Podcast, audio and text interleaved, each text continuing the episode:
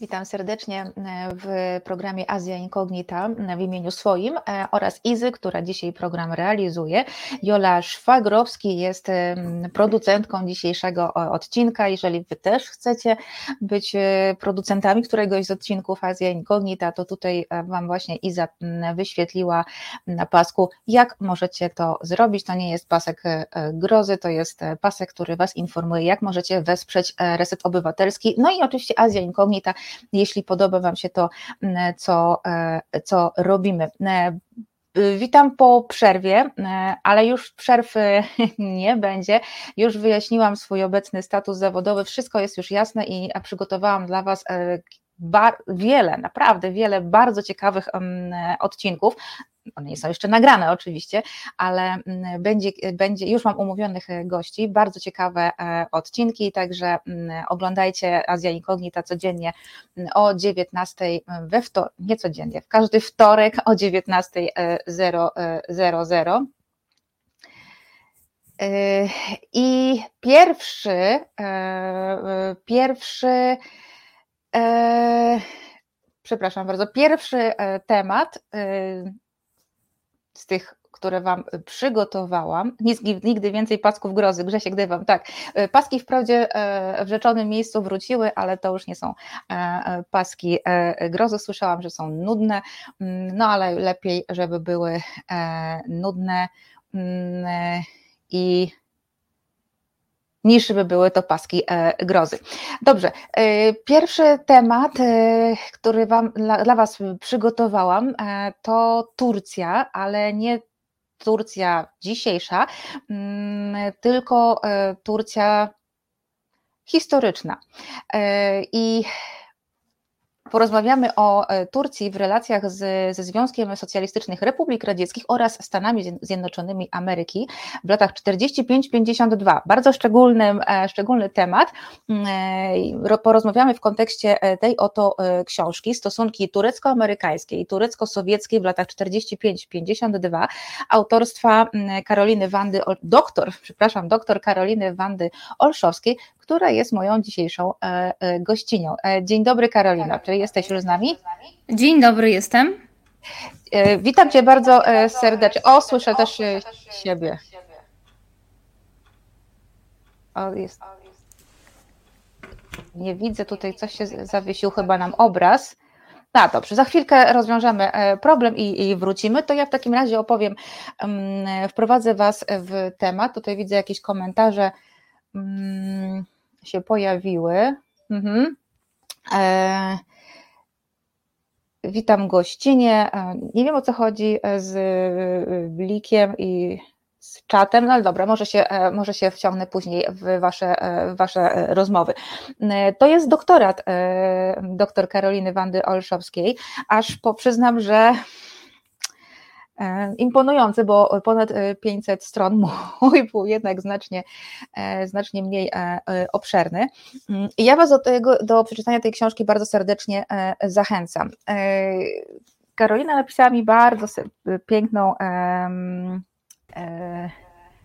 dedykację. O, jesteś już. Jestem, tak, udało się. Super. Właśnie mówię, że napisałaś mi bardzo piękną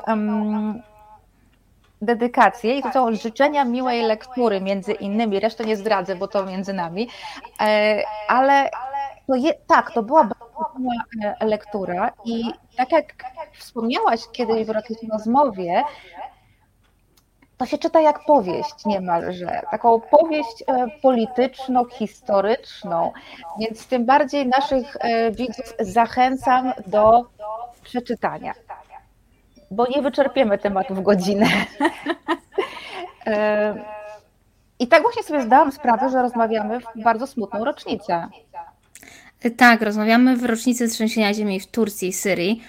E, co prawda, no w dalszym ciągu nie wiemy, między innymi, ile ofiar to trzęsienie przyniosło, no bo w samej Turcji teraz już podwyższono liczbę ofiar z 50 do 54 niecałych, ale to dalej wydaje się dużo za mało, tak na dobrą sprawę.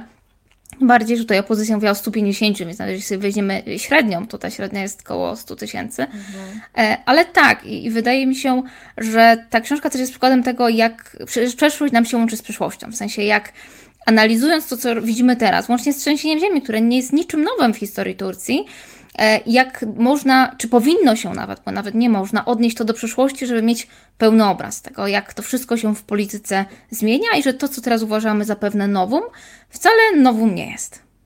Mhm. No właśnie, i ja chciałam Cię zapytać, y, dlaczego my w ogóle o tym e, rozmawiamy, ale mam wrażenie, że do tego dojdziemy. E, mamy mówić o Turcji powojennej, ale chciałabym zacząć nieco przekornie od tej przedwojennej. E, może nie, właściwie to w czasie wojennej. Przepraszam. Tutaj spojrzałam na tak, że jakiś pogłos mam, to już Iza musi tam chyba zadziałać, ale my będziemy rozmawiać. Tutaj jest napisane na, z tyłu okładki, że Turcja stawała się wtedy drugą najsilniejszą armią w NATO. Więc jak Turcja dostała się e, do e, NATO? Jak kształtowały się ówczesne sojusze, gdy rozpadało się przecież e, Imperium Osmańskie? Tak, to był moment, kiedy nikt jeszcze nie spodziewał się, że Turcja stanie się kiedyś drugą najsilniejszą armią w NATO, dlatego że mówimy o, na początku o II wojnie światowej, kiedy Turcja była neutralna. Była neutralna do lutego 1945 roku, czyli generalnie była neutralna prawie, że do zakończenia wojny jeszcze musiała wypowiedzieć wojnę do 1 marca, żeby stać się krajem założycielskim ONZ-u, więc też to zrobiła. Tak na dobrą sprawę wykorzystała II wojnę światową.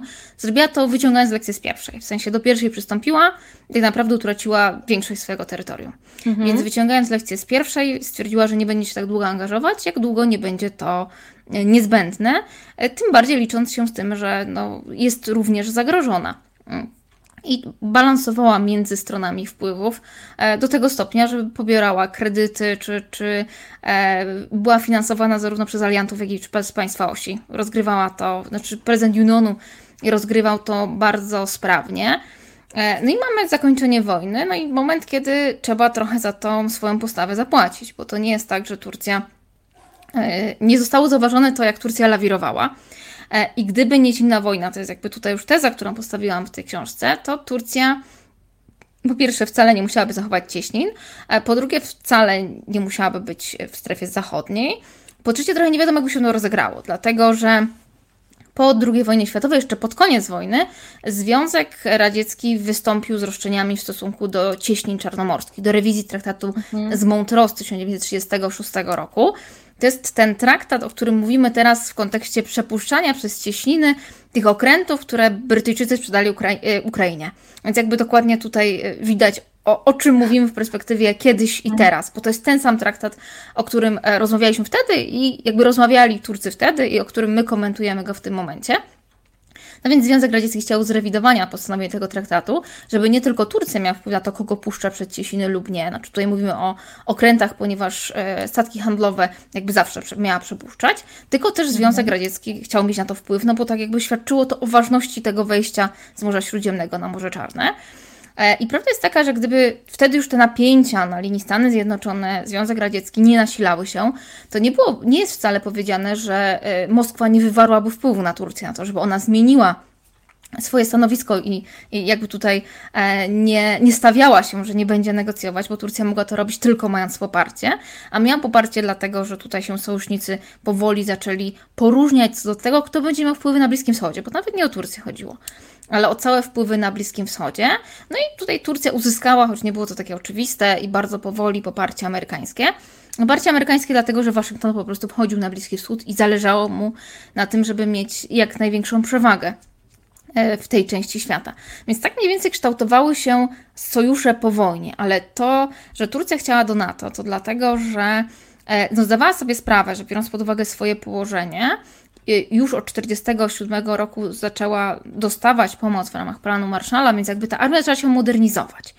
I przy tej pomocy amerykańskiej też ważne było to, że Amerykanie mówili, na co mogą być przeznaczone środki. To nie było tak, że Turcja dostała pieniądze i mogła sobie z nimi robić, co chciała. Więc oni tutaj główną część tych środków kazali przeznaczyć właśnie na modernizację armii, bo armia turecka była duża, była w stanie e, zmobilizować dużą liczbę żołnierzy, ale była bardzo źle uzbrojona, e, brakowało podstawowych rzeczy, na zasadzie nie wiem, butów choćby dla, dla żołnierzy. Więc ona była sprawna tylko w liczbach, no i z tego, że wykazała się w konfliktach, w których brała udział wcześniej. Co też jest ciekawe, taka mała dygresja. Po I wojnie światowej okazało się, że e, żo żo żołnierze osmańscy dużo rzadziej chorują na, na e, PTSD niż inni, dlatego że oni po prostu wierzyli w przeznaczenie. To jest, wynika jakby z wiary i tradycji. Wierzyli w przeznaczenie, czyli to, że jeżeli Allah jakby skaże nas na to, że nie wyjdziemy z tej bitwy, to nie wyjdziemy, a jeżeli e, jakby mamy przeżyć, to przeżyjemy.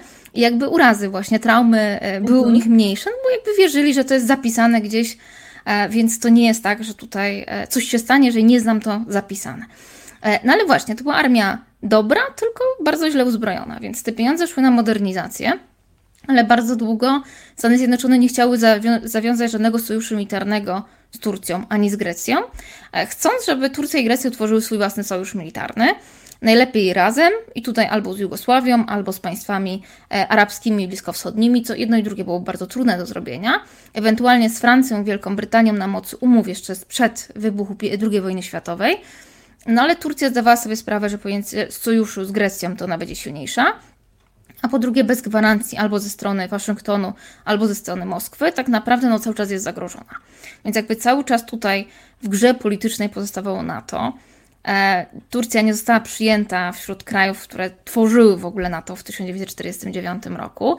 Jej akcesja łącznie z Grecją została później jeszcze dwa razy odrzucona, mimo tego, że Turcja wysłała e, swoje wojska do Korei, żeby walczyły. No bo tutaj też było mm, taka sytuacja, że jeden z senatorów amerykańskich powiedział, że jeżeli nie wyśle, to w ogóle nie mamy o czym rozmawiać, więc Turcja zdecydowała się wysłać e, swoje wojska do Korei.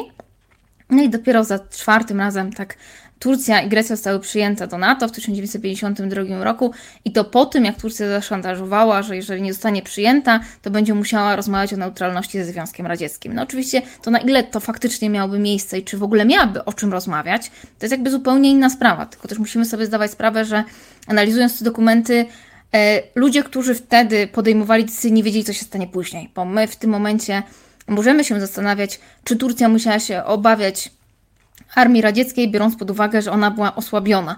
Ale my o tym wiemy jakby z perspektywy tego, co zdarzyło się później, a Turcy nie wiedzieli, czy, e, czy ona jest słaba, czy nie jest słaba, czy jest w stanie zaatakować, czy to jest moment, kiedy nie jest w stanie zaatakować. Więc Aha. faktycznie tutaj było e, nastawienie na przyjęcie do sojuszu, do NATO. Właśnie Turcja i Grecja były odrzucone i nawet jak zostały przyjęte, to niektóre państwa, np. Belgia i Holandia, zgodziły się tylko pod warunkiem, że w momencie ataku na terytorium Grecji lub Turcji one nie będą musiały tam wysyłać swoich wojsk. Więc jest to trochę no, wyjęcie spod tego artykułu 5, na który się wszyscy powołujemy. Więc ta droga wcale nie była łatwa, wcale nie była oczywista i też trochę rzuca inne światło na negocjacje tureckie teraz e, w kontekście Szwecji i Finlandii, bo to nie jest tak, że się wszyscy od razu zgadzali, mówili jakby nie ma problemu, e, przyjmujemy i nie ma żadnych warunków. Tylko z perspektywy jakby historycznej Tutaj też nie było to takie łatwe i oczywiste, no bo nikt nie chciał umierać za Grecję czy za Turcję, które notabene były zagrożone, więc tam można było przewidzieć, że może do czegoś dojść, więc po co? Mhm. Właściwie um, mamy odpowiedź e, na pytanie, dlaczego o tym mówimy, tak? Dlaczego warto e, mówić o historii? już, już, już pierwsze pytanie, już mamy odpowiedź. Dobrze. To w takim razie. Mm, co się zmieniło w Turcji po II wojnie światowej wewnętrznie mm, i jak ta scena polityczna, no, nowo ukształtowana, mm, wpłynęła właśnie na relacje z, międzynarodowe? Zmieniło się dużo, dlatego że przed, znaczy jeszcze w okresie II wojny światowej mieliśmy tak de facto ustrój jednopartyjny w Turcji. On nigdzie nie został zapisany w żadnej konstytucji, więc to nie było tak, że Turcja formalnie była jednopartyjna. To było tak, że inne partie nie mogły zostać zarejestrowane. Po prostu było to w ten sposób rozwiązane. Dlatego, że wtedy rządziła e, Republikańska Partia Ludowa, JHP, tą, którą teraz kojarzymy z tej głównej partii opozycyjnej. To jest partia założona jeszcze przez Mustafa Kemala. Mhm. E, I tutaj był taki moment wielopartyjny e, w okresie e, jeszcze rządów Mustafy Kemala. On nie bardzo lubił konkurencję, więc ta wielopartyjność bardzo szybko została rozwiązana. Ale mamy zakończenie wojny i mamy e, coś, co Ismet Yunonu, czyli drugi prezydent, bliski współpracownik Mustafy Kemala, musiał zrobić, czy udowodnić tak zwanemu Zachodowi, że, że coś się w Turcji zmienia więc udowodnił to w ten sposób, jakby dopuszczając do działania inne partie opozycyjne, czy pozwalając na ich rejestrację, tak po prostu. E, to nie jest tak, że Partia Demokratyczna, która została utworzona w 1964 roku, była pierwszą partią, która powstała tak na dobrą sprawę e, po zakończeniu, po jakby tym pozwoleniu na, e, na rejestrację partii, ale jest ona największa i bardzo często w ogóle w publikacjach się te poprzednie pomija, dlatego że one były marginalne i nie odegrały większego znaczenia jakby w, w, sytuacji wewnętrznej Turcji, ale została wy, wy, zarejestrowana Partia Demokratyczna, gdzie tak naprawdę jej założyciele pochodzili z CHP, to byli politycy zaangażowani wcześniej w republikańską partię lutową, a teraz jakby założyli partię demokratyczną. Przy pierwszych wyborach jeszcze się nic tak na dobrą sprawę nie zmieniło, dlatego że one zostały rozpisane bardzo szybko, po to, żeby Partia Demokratyczna nie mogła zjednoczyć wokół siebie elektoratu, e, nie mogła też pokazać w jaki sposób działa, nie mogła wystawić kandydatów przede wszystkim we wszystkich okręgach, więc w dalszym ciągu wygrała Republikańska Partia Ludowa, dopiero w latach 50 Partii Demokratycznej udało się wygrać, jak sami to opisują Turcy. GHP, e, czyli Republikańska Partia Ludowa, była, była zaskoczona, że przegrała, Partia Demokratyczna była zaskoczona, że wygrała. E, I tutaj, jeżeli chodzi o politykę zagraniczną, dużo się nie zmieniło, dlatego że obydwie te partie miały bardzo podobny pomysł na prowadzenie polityki zagranicznej. Polityka zagraniczna w ogóle w tym czasie była prowadzona na odwrót niż teraz. W sensie polityka wewnętrzna teraz jest, polityka zagraniczna jest teraz prowadzona pod politykę wewnętrzną, a wtedy jakby polityka wewnętrzna była prowadzona pod politykę zagraniczną, czyli głównie pod, pod relacje z Stanami Zjednoczonymi. Dlatego, że na przykład to świetnie widać w kontaktach z Grecją, która jest no, takim sztampowym, powiedzmy, sąsiadem, nieprzyjacielem Turcji, dlatego że tych kwestii spornych jest bardzo dużo, wtedy też były. Ale z drugiej strony obydwie partie, będąc u władzy, wiedziały, że muszą te relacje ułagodzić, dlatego że to jest kwestia pieniędzy amerykańskich. A te pieniądze po prostu wtedy i Turcji, i Grecji były bardzo potrzebne. Więc w polityce zagranicznej się niewiele zmieniło, ale co ciekawe, w polityce wewnętrznej też nie. Dlatego, że Partia Demokratyczna oskarżała m.in. swoją poprzedniczkę o to, że stosuje cenzurę, stosuje e, aresztowania, e, nie wiem, walczy ze wszystkim, co komunistyczne, e, komunistyczne w znaczeniu tureckim wówczas, ale też teraz to jest jakby komunistyczne, socjalistyczne i lewicowe jest wzięte pod jeden mianownik najczęściej. Wtedy to w każdym przypadku teraz również się zdarza, bo jak mamy, nie wiem, książki socjalistyczne, to tam są o komunizmie, o socjalizmie i po prostu o partiach lewicowych również w księgarni. Ale, ale właśnie tutaj, mimo tego, że na to uzyskiwała, to w momencie, kiedy doszła do władzy, stosowała to samo. W sensie też stosowała cenzurę, też stosowała aresztowania, szczególnie dla dziennikarzy, e, jeszcze większe aresztowania wszystkich podejrzanych o komunizm. To była kwestia podciągania pod jeden mianownik wszystkich, których chcieliśmy w jakiś sposób ukrócić i którzy mieli do nas jakieś. Nie chwalili naszych postępowań, może w ten sposób. E, I to też przez kolejne lata już e, historii Turcji do współczesności to jest też trochę tak, że tak na dobrą sprawę niewiele się zmienia, paragrafy się zmieniają, w sensie to, co jest e, źle widziane w państwie tureckim. Ale była to duża zmiana, dlatego że dopuszczono wielopartyjność, jakby zaczęła być walka o, o wygranie. Poza tym też ta kemalistowska partia, która rządziła od początku republiki, na której czele stał Mustafa Kemal, tak naprawdę utraciła władzę. Utraciła władzę i pokazuje, to świetnie pokazywało, jak tureckie społeczeństwo jest niezrozumiane przez rządzących. To nie jest tak, że w momencie, kiedy Partia Demokratyczna e, doszła do władzy, dużo się zmieniło, dlatego że to były te same środowiska. To byli ludzie, którzy z większością e, tureckiego społeczeństwa, które w większości było e, dużej części rolnicze, tam 80% tureckiego społeczeństwa wówczas to byli rolnicy ponad, nie miało zbyt wiele wspólnego. To byli żołnierze, to byli ludzie świetnie wykształceni, a którzy jakby nie zawsze byli bogaci, ale właśnie przeważnie kończyli zagraniczne szkoły, nawet w Turcji E, służyli wojsku, więc oni w ogóle jakby nie do końca wiedzieli, co się dzieje na tak zwanej tureckiej wsi. I w jaki sposób tutaj w ogóle mieć jakiś pomysł na zrobienie tego. Ja nawet podam przykład partii, która odnosiła się właśnie do elektoratu chłopskiego i miała właśnie mieć takie znamiona trochę upomijające się resztę społeczeństwa, ale na jej czele no to głównie byli właśnie lekarze, prawnicy, żołnierze, więc tam nie było ludzi, którzy mogliby zrozumieć, jakie są tak naprawdę potrzeby e, szeroko pojętego tureckiego społeczeństwa. Karolina dobrze gada. E, tak, jak zawsze.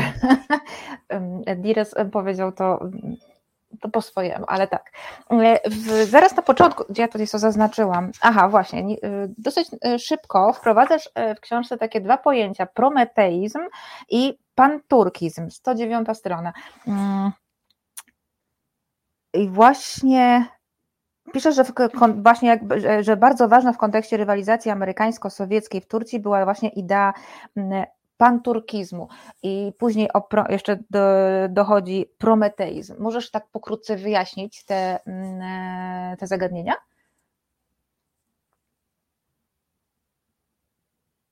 Zapomniałam sobie włączyć mikrofon. Już jestem.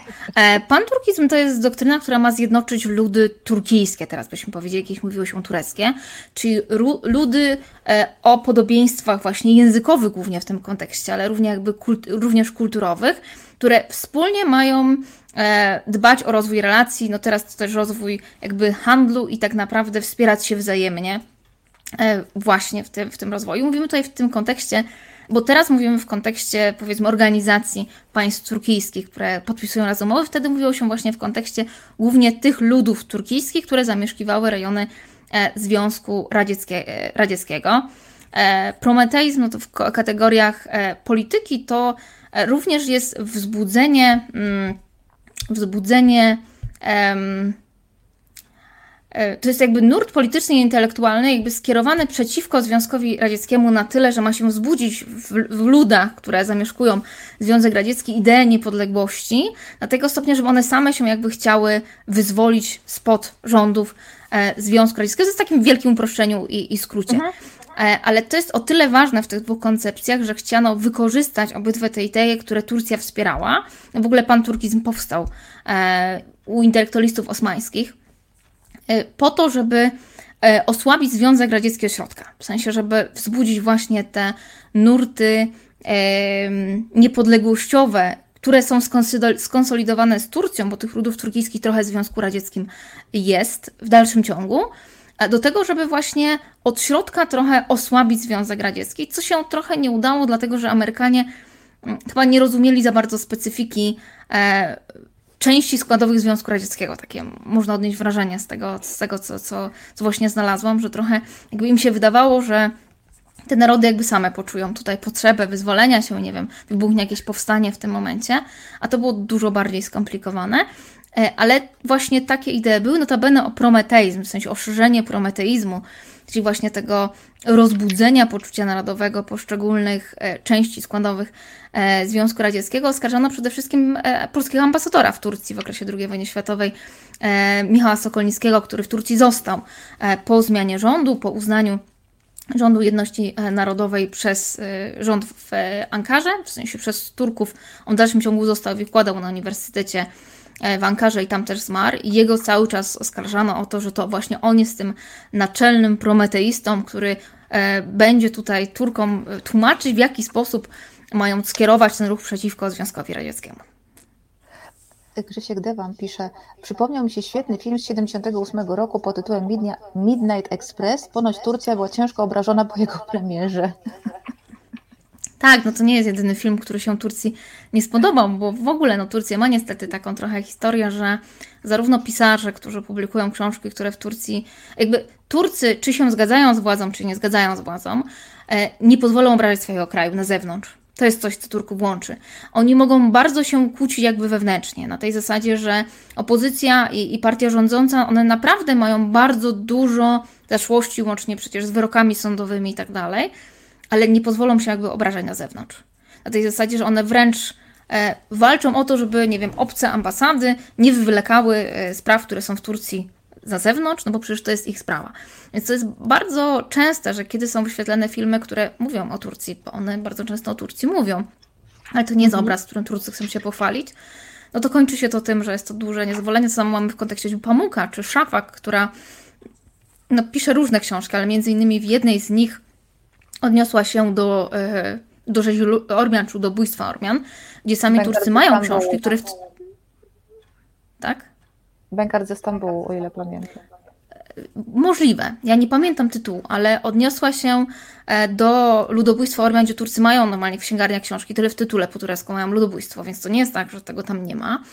I teraz oskarżyła ją pisarka właśnie e, tej kemalistowskiej GHP o plagiat, gdzie bardzo trudno jest dojść do tego, czy, czy ten plagiat jest, czy nie. No sąd w tym momencie stwierdził, że tak, ale Szafak się będzie odwoływać, bo to miało być 5% plagiatu, ale jedni eksperci mówią, że tam jest, drudzy mówią, że nie ma, bo ta jej książka jest dużo dłuższa niż ta, która miałaby splagiatować.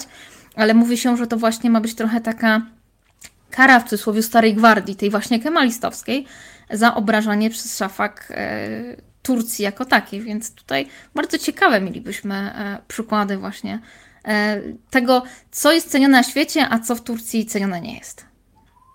To fascynujące. Dobrze, to wróćmy do tej naszego głównego nurtu. 45-52 te lata to zimna, początek zimnej wojny. Jak Turcja podchodziła w ogóle do tej wielkiej rywalizacji dwóch y, mocarstw?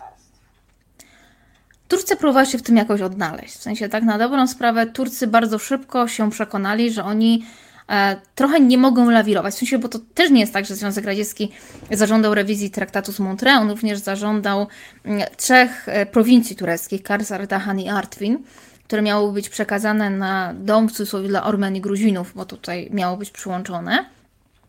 E, I to nie jest tak, że Turcja nie próbowała na początku negocjować i jednoznacznie chciała się opowiedzieć po stronie Zachodu. Bo Turcja po pierwsze nie wiedziała, czy zostanie poparta, po drugie to wcale nie jest tak, że w tym momencie chciała stracić swoją neutralność i opowiedzieć się po jednej stronie.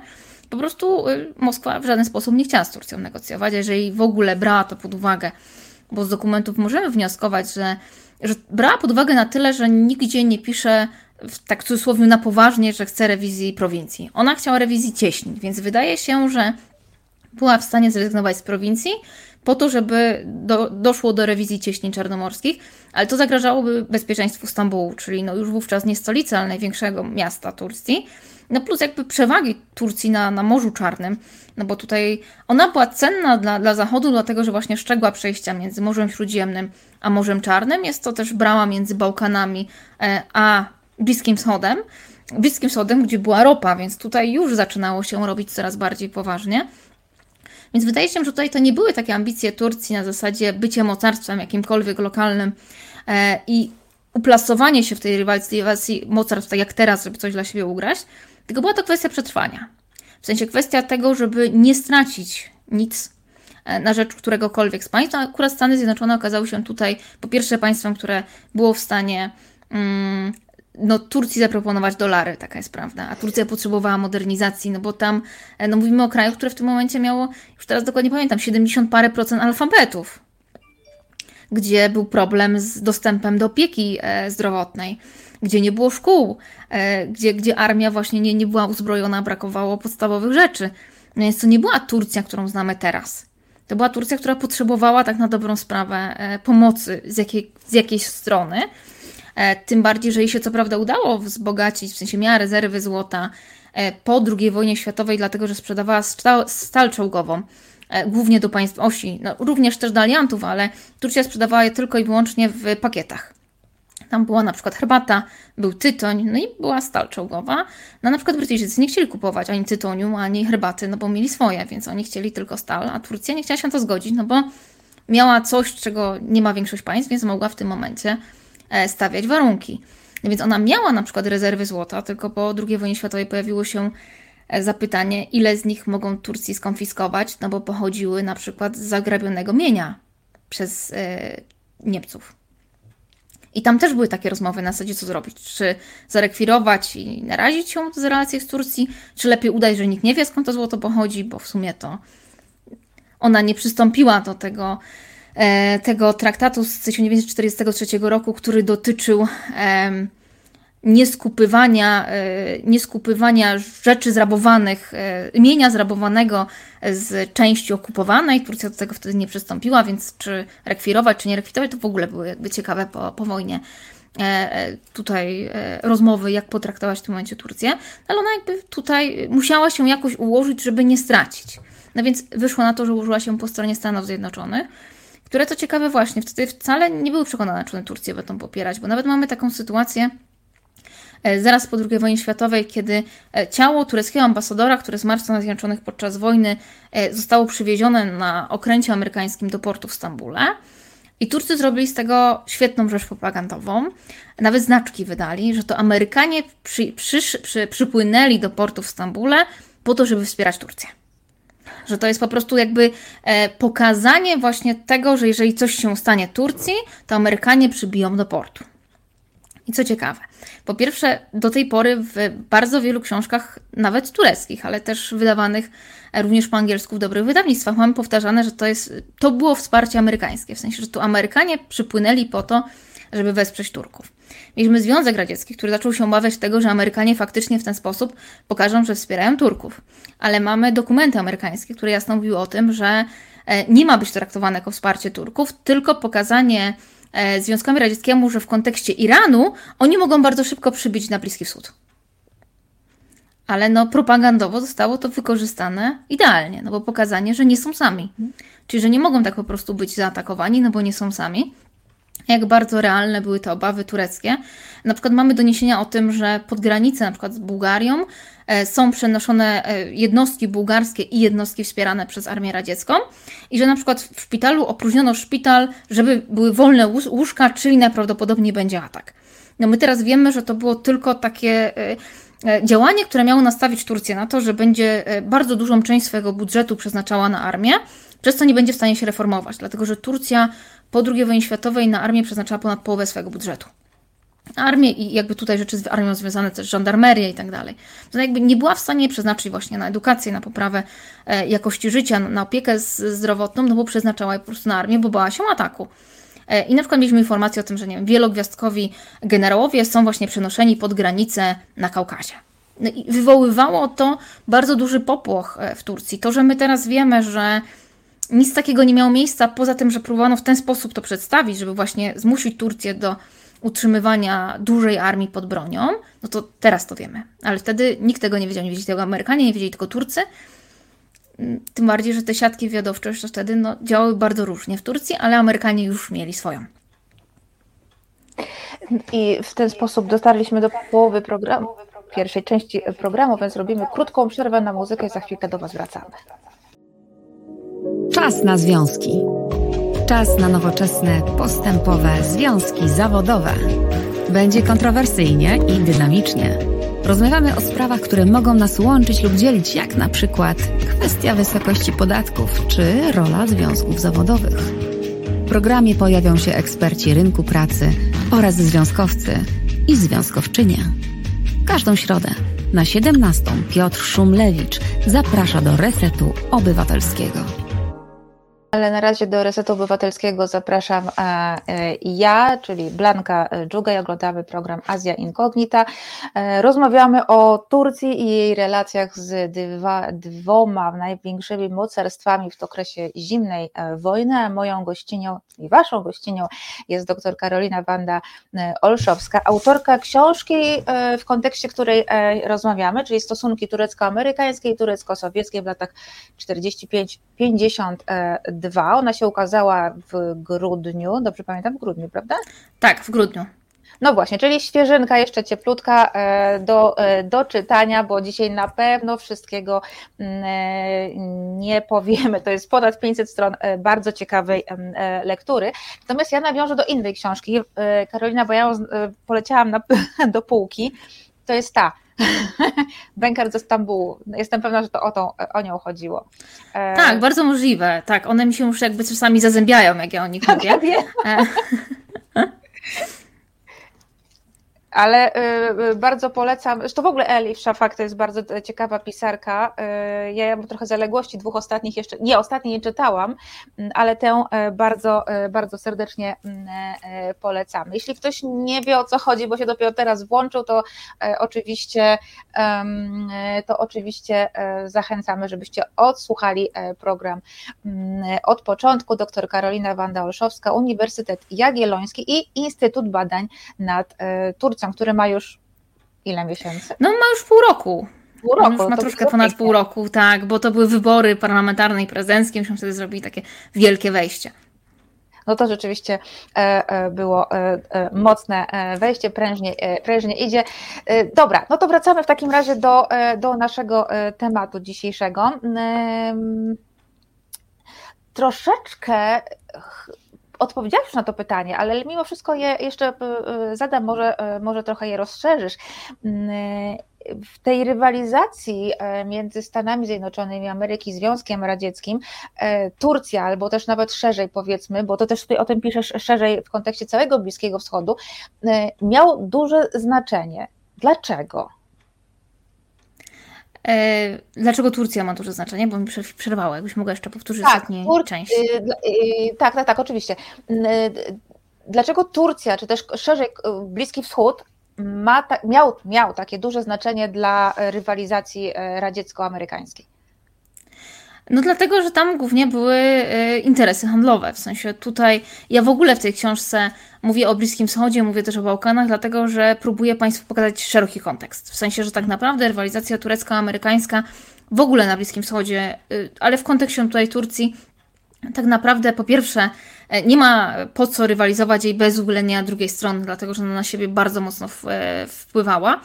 E, po drugie, no właśnie, tutaj mamy też kontekst całego Bliskiego Wschodu i całych Bałkanów i relacji tych państw, zarówno ze Związkiem Radzieckim, Stanami Zjednoczonymi, jak i z samą Turcją bo Turcja tutaj też e, dużo zaszłości z różnymi państwami miała. One były przecież częścią składową, e, niektóre z nich Imperium Osmańskiego i to wcale nie było tak, że te relacje układały się dobrze, ale one były, cały Bliski Wschód no, był już wtedy ważny dla, dla Stanów Zjednoczonych ze względu między innymi na surowce, które tam były, głównie ropę naftową i to jak bardzo panowanie nad tym obszarem jakby pozwalało na uzyskanie przewagi w ogóle w rywalizacji między blokami wpływów. Oczywiście no też chodziło o to e, w ogóle, żeby podzielić strefy wpływów jak najwięcej, e, mieć u siebie, ale no w dużej części było to właśnie związane z tym, z tym postawieniem na to, żeby zapewnić sobie dopływ surowców i w ten sposób móc rywalizować podczas wojny. No nie okazało się to e, takie łatwe, bo to też nie było tak, że te wszystkie państwa bardzo chciały e, współpracować z Stanami Zjednoczonymi, a trochę inaczej.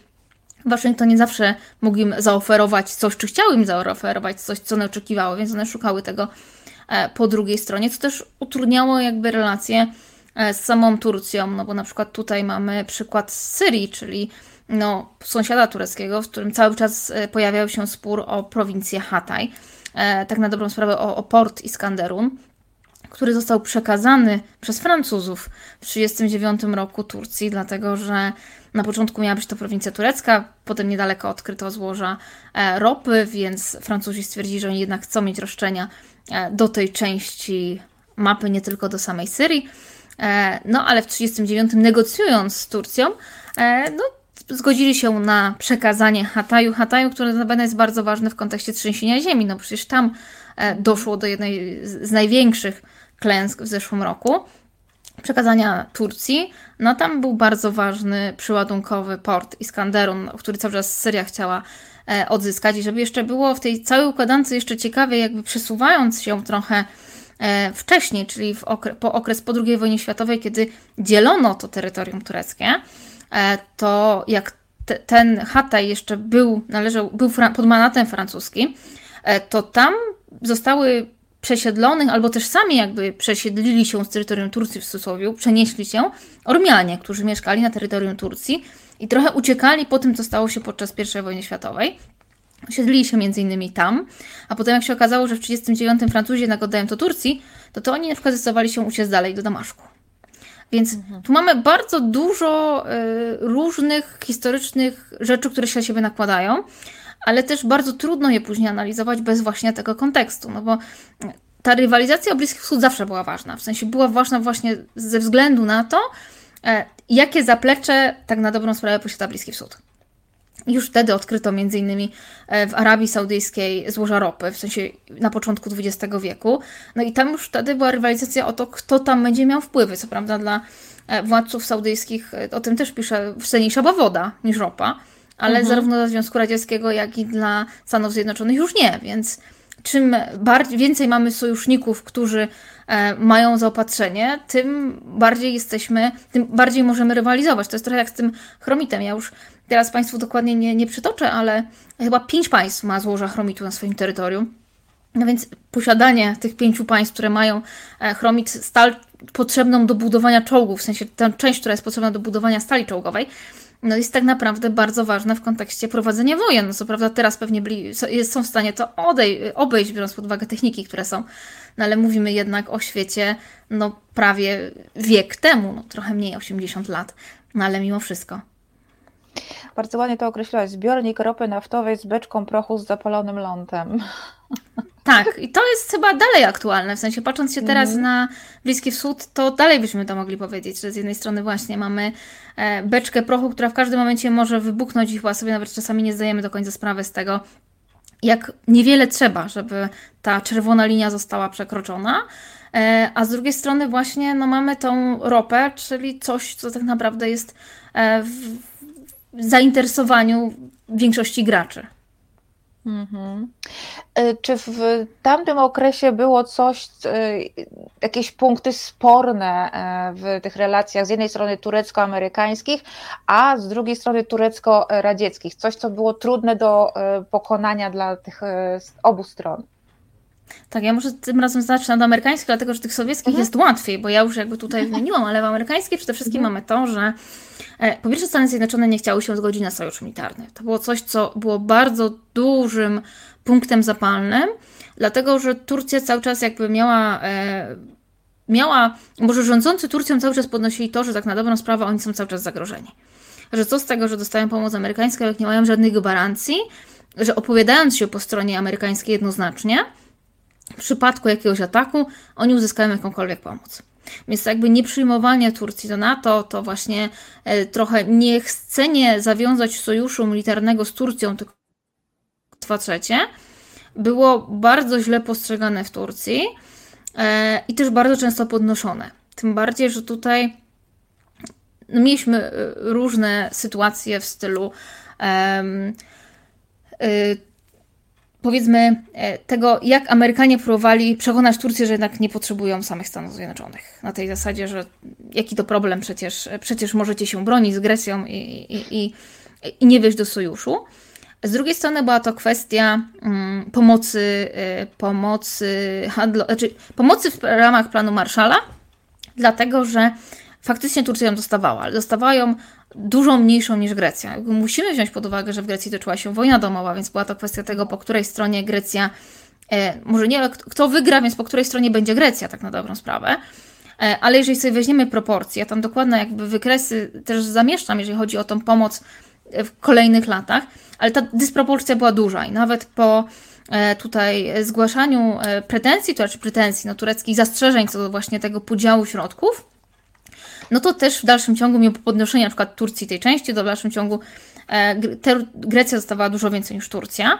E, nawet było już tak, że po kilku latach dostawania pomocy Grecja już stwierdziła, że ona już nie potrzebuje modernizować swojej armii, ona już wystarczy jej, a w Turcji te potrzeby w dalszym ciągu były bardzo duże. E, poza tym Amerykanie po pierwsze nie zgadzali się na wykorzystanie tego tak jak chciała Turcja, tylko przede wszystkim miały to być, miała to być zbrojeniówka, znaczy w sensie zbrojenie siebie. Turcy też bardzo szybko chcieli kupować technologię, w sensie nie chcieli kupować sprzętu, tylko chcieli kupować technologię, żeby usamodzielnić się za jakiś czas.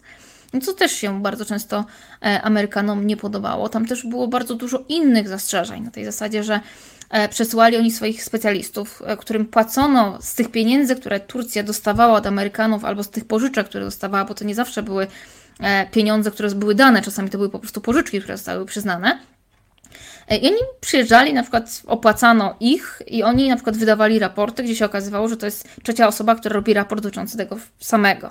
Notabene jak, Ameryka jak amerykańscy specjaliści przyjechali do części na przykład e, tych e, związanych z lotnictwem e, przemysłu lotniczego, no to tak na dobrą sprawę polscy inżynierowie, którzy tam byli w czasie wojny, stracili pracę.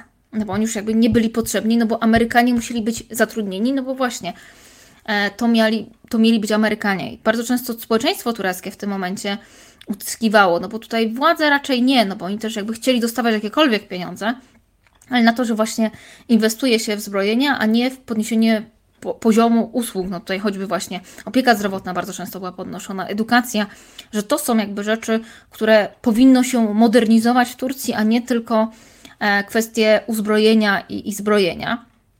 E, I też, e, o ile w gazetach mamy tego mało, dlatego że mieliśmy cenzurę. I mieliśmy cenzurę do tego stopnia, że bardzo często, jeżeli w prasie pojawiło się coś kontrowersyjnego, to aresztowany był redaktor naczelny, e, redaktor artykułu, w sensie osoba, która ten artykuł napisała. Cały nakład był konfiskowany i jeszcze była kara pieniężna na całą redakcję. No, oczywiście mhm. byli redaktorzy, którzy dostawali karę, płacili, odsiedzieli swoje, otwierali kolejne czasopismo, które miało nową nazwę, które znowu podziałało dwa tygodnie czy miesiąc, znowu było zamknięte, jakby znowu się ten cykl powtarzał. E, no ale wielu po prostu się autocenzurowało. To też w Turcji mamy do dzisiaj taką autocenzurę, która, która po prostu jest wszechobecna. Choć teraz już mam wrażenie trochę zelżała w tych ostatnich kilku latach. E, ale no, mieliśmy tego dużo w literaturze. No, mieliśmy cenzurę w prasie, ale nie mieliśmy cenzury e, w, tak na dobrą sprawę, literaturze tureckiej. Mówię tutaj o literaturze pięknej. Więc tam bardzo dużo jest uzyskiwania na to, że Amerykanie nie szanują tureckiego dziedzictwa kulturowego. E, I tutaj są na przykład historie o tym, że z jednej strony jak Amerykanie przejeżdżają, to Turcy wręcz mm, tam są e, historie o tym, że e, bielą domy, jakby, nie wiem, trawy malują na zielono i w ogóle, żeby tylko pokazać, że tutaj Stany, przedstawiciele Stanów Zjednoczonych przyjechali. A z drugiej strony na przykład amerykańscy żołnierze zapraszają na statek tureckie kobiety, no co było w ogóle takim kulturowym potwarzem, no bo turecka kobieta z obcymi mężczyznami, nawet jeżeli oni tam po prostu chcieli ją zaprosić, nie wiem, na drinka, no to, to jakby kulturowo było całkowicie obce i to jakby niezrozumienie kulturowe było podkreślane. Oczywiście, no można sobie tu postawić pytanie, na ile przy pomocy finansowej można wskazywać na takie e, rzeczy, no ale to jest jakby widoczne w prasie i to się społeczeństwu nie podobało. E, dużo łatwiej byłoby te punkty sporne wychwycić w tym czasie ze Związkiem Radzieckim, dlatego no tutaj te cieśniny czarnomorskie, no i te prowincje, no bo no, Turcja prowincji oddać nie chciała i tym bardziej, że tam odnosiliśmy się do bardzo starej przeszłości tego, dlaczego te prowincje powinny być właśnie e, w cudzysłowie zwrócone Ormianom i, i, i Gruzinom, tam odnosiliśmy się prawie że do XII-XI wieku z tym dziedzictwem. To trochę tak jak się Grecja i Turcja o przynależność Cypru e, ze sobą E, kłóciły, to tam się odnosiliśmy do Afrodyty w którymś momencie, w tej narracji, która się pokazywała w prasie. Naprawdę, tam były takie odniesienia. E, no więc, no, no więc właśnie. E, ale tutaj ze strony Związku Radzieckiego Turcja nic nie dostała, a wręcz jakby nie było chęci negocjacji. Ja się cały czas zastanawiam, to jest historia rewizyjna, której jakby nie dowiemy się, jakby było, gdyby jednak Związek Radziecki chciał z Turcją negocjować, w sensie nie wypowiedział mowy o przyjaźni, E, i nie powiedział, że będzie tylko w tym momencie e, negocjować, e, kiedy Turcja zgodzi się na rewizję traktatu z Montreux, tylko jednak znaczy, zgodziłby się na to, żeby te relacje były powiedzmy dobrze ułożone neutralnie, no bo Turcja ze Związkiem Radzieckim miała lepsze i gorsze momenty, ale tak naprawdę no to bolszewicy wspierali kemalistów na początku walczących e, między innymi stawami broni, no też dlatego, że oni chcieli być uznani na polu międzynarodowym, a nikt inny kemalistów nie wspierał, więc oni tutaj byli w stanie przyjąć pomoc od każdego, kto, był kto, kto chciał im pomóc. Ale dlatego też te relacje w ogóle Turcji i Rosji w dłuższej perspektywie, one nie mają tego takiego elementu strachu przed Rosją, szeroko mhm. pojętą Rosją. Tego nie ma. To jest coś, co, co, co dużo łatwiej jest u nas zauważyć, że tutaj jest obawa przed Rosją, tego co może zrobić Rosja i do czego się może posunąć. Turcja, w Turcji jakby nie ma obawy przed Rosją. Oni oczywiście wiedzą, że e, Rosja jest zdolna do bardzo wielu rzeczy, ale nie ma strachu. To jest na zasadzie, to będziemy odpowiadać, a nie na zasadzie tego, jakby, mimo tego, że przecież wiele mieli wojen, wiele z nich przegrali. E, ale właśnie nie ma tej takiej obawy przed, przed samą Rosją. Mhm. I teraz e, to tutaj spadło e, słowo cieśniny już kilkakrotnie i też e, w książce dużo bardzo o tym e, piszesz.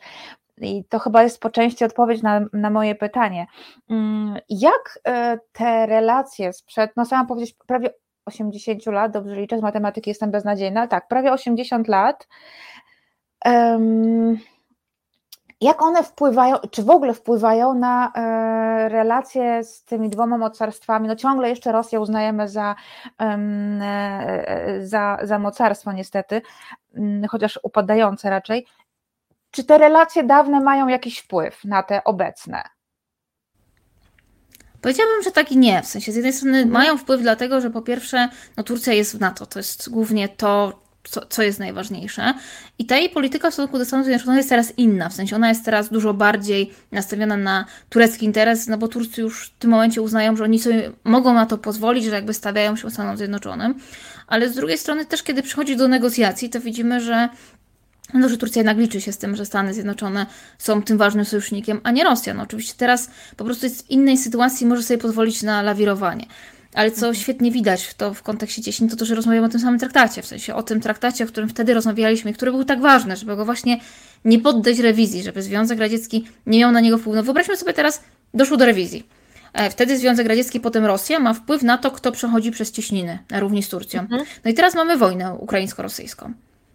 No więc yy, nagle się okazuje, że Rosja może pozwolić flocie nie tylko tej czarnomorskiej, która miała wrócić do cieśnin, tylko po prostu flocie przejść przez cieśniny, e, a druga strona nie przepuści, albo że właśnie nie ma kontroli nad tym, jakie statki, no, co prawda handlowe, handlowe, jeżeli chodzi o traktat z Montreux, jakby zawsze mogą przechodzić, no ale właśnie nie ma tej, tego kraju kontrolnego. To, że Turcja przepuszczała wiele ładunków, które były kontrowersyjne, to jest inna sprawa, ale mogłoby ich przechodzić dużo więcej.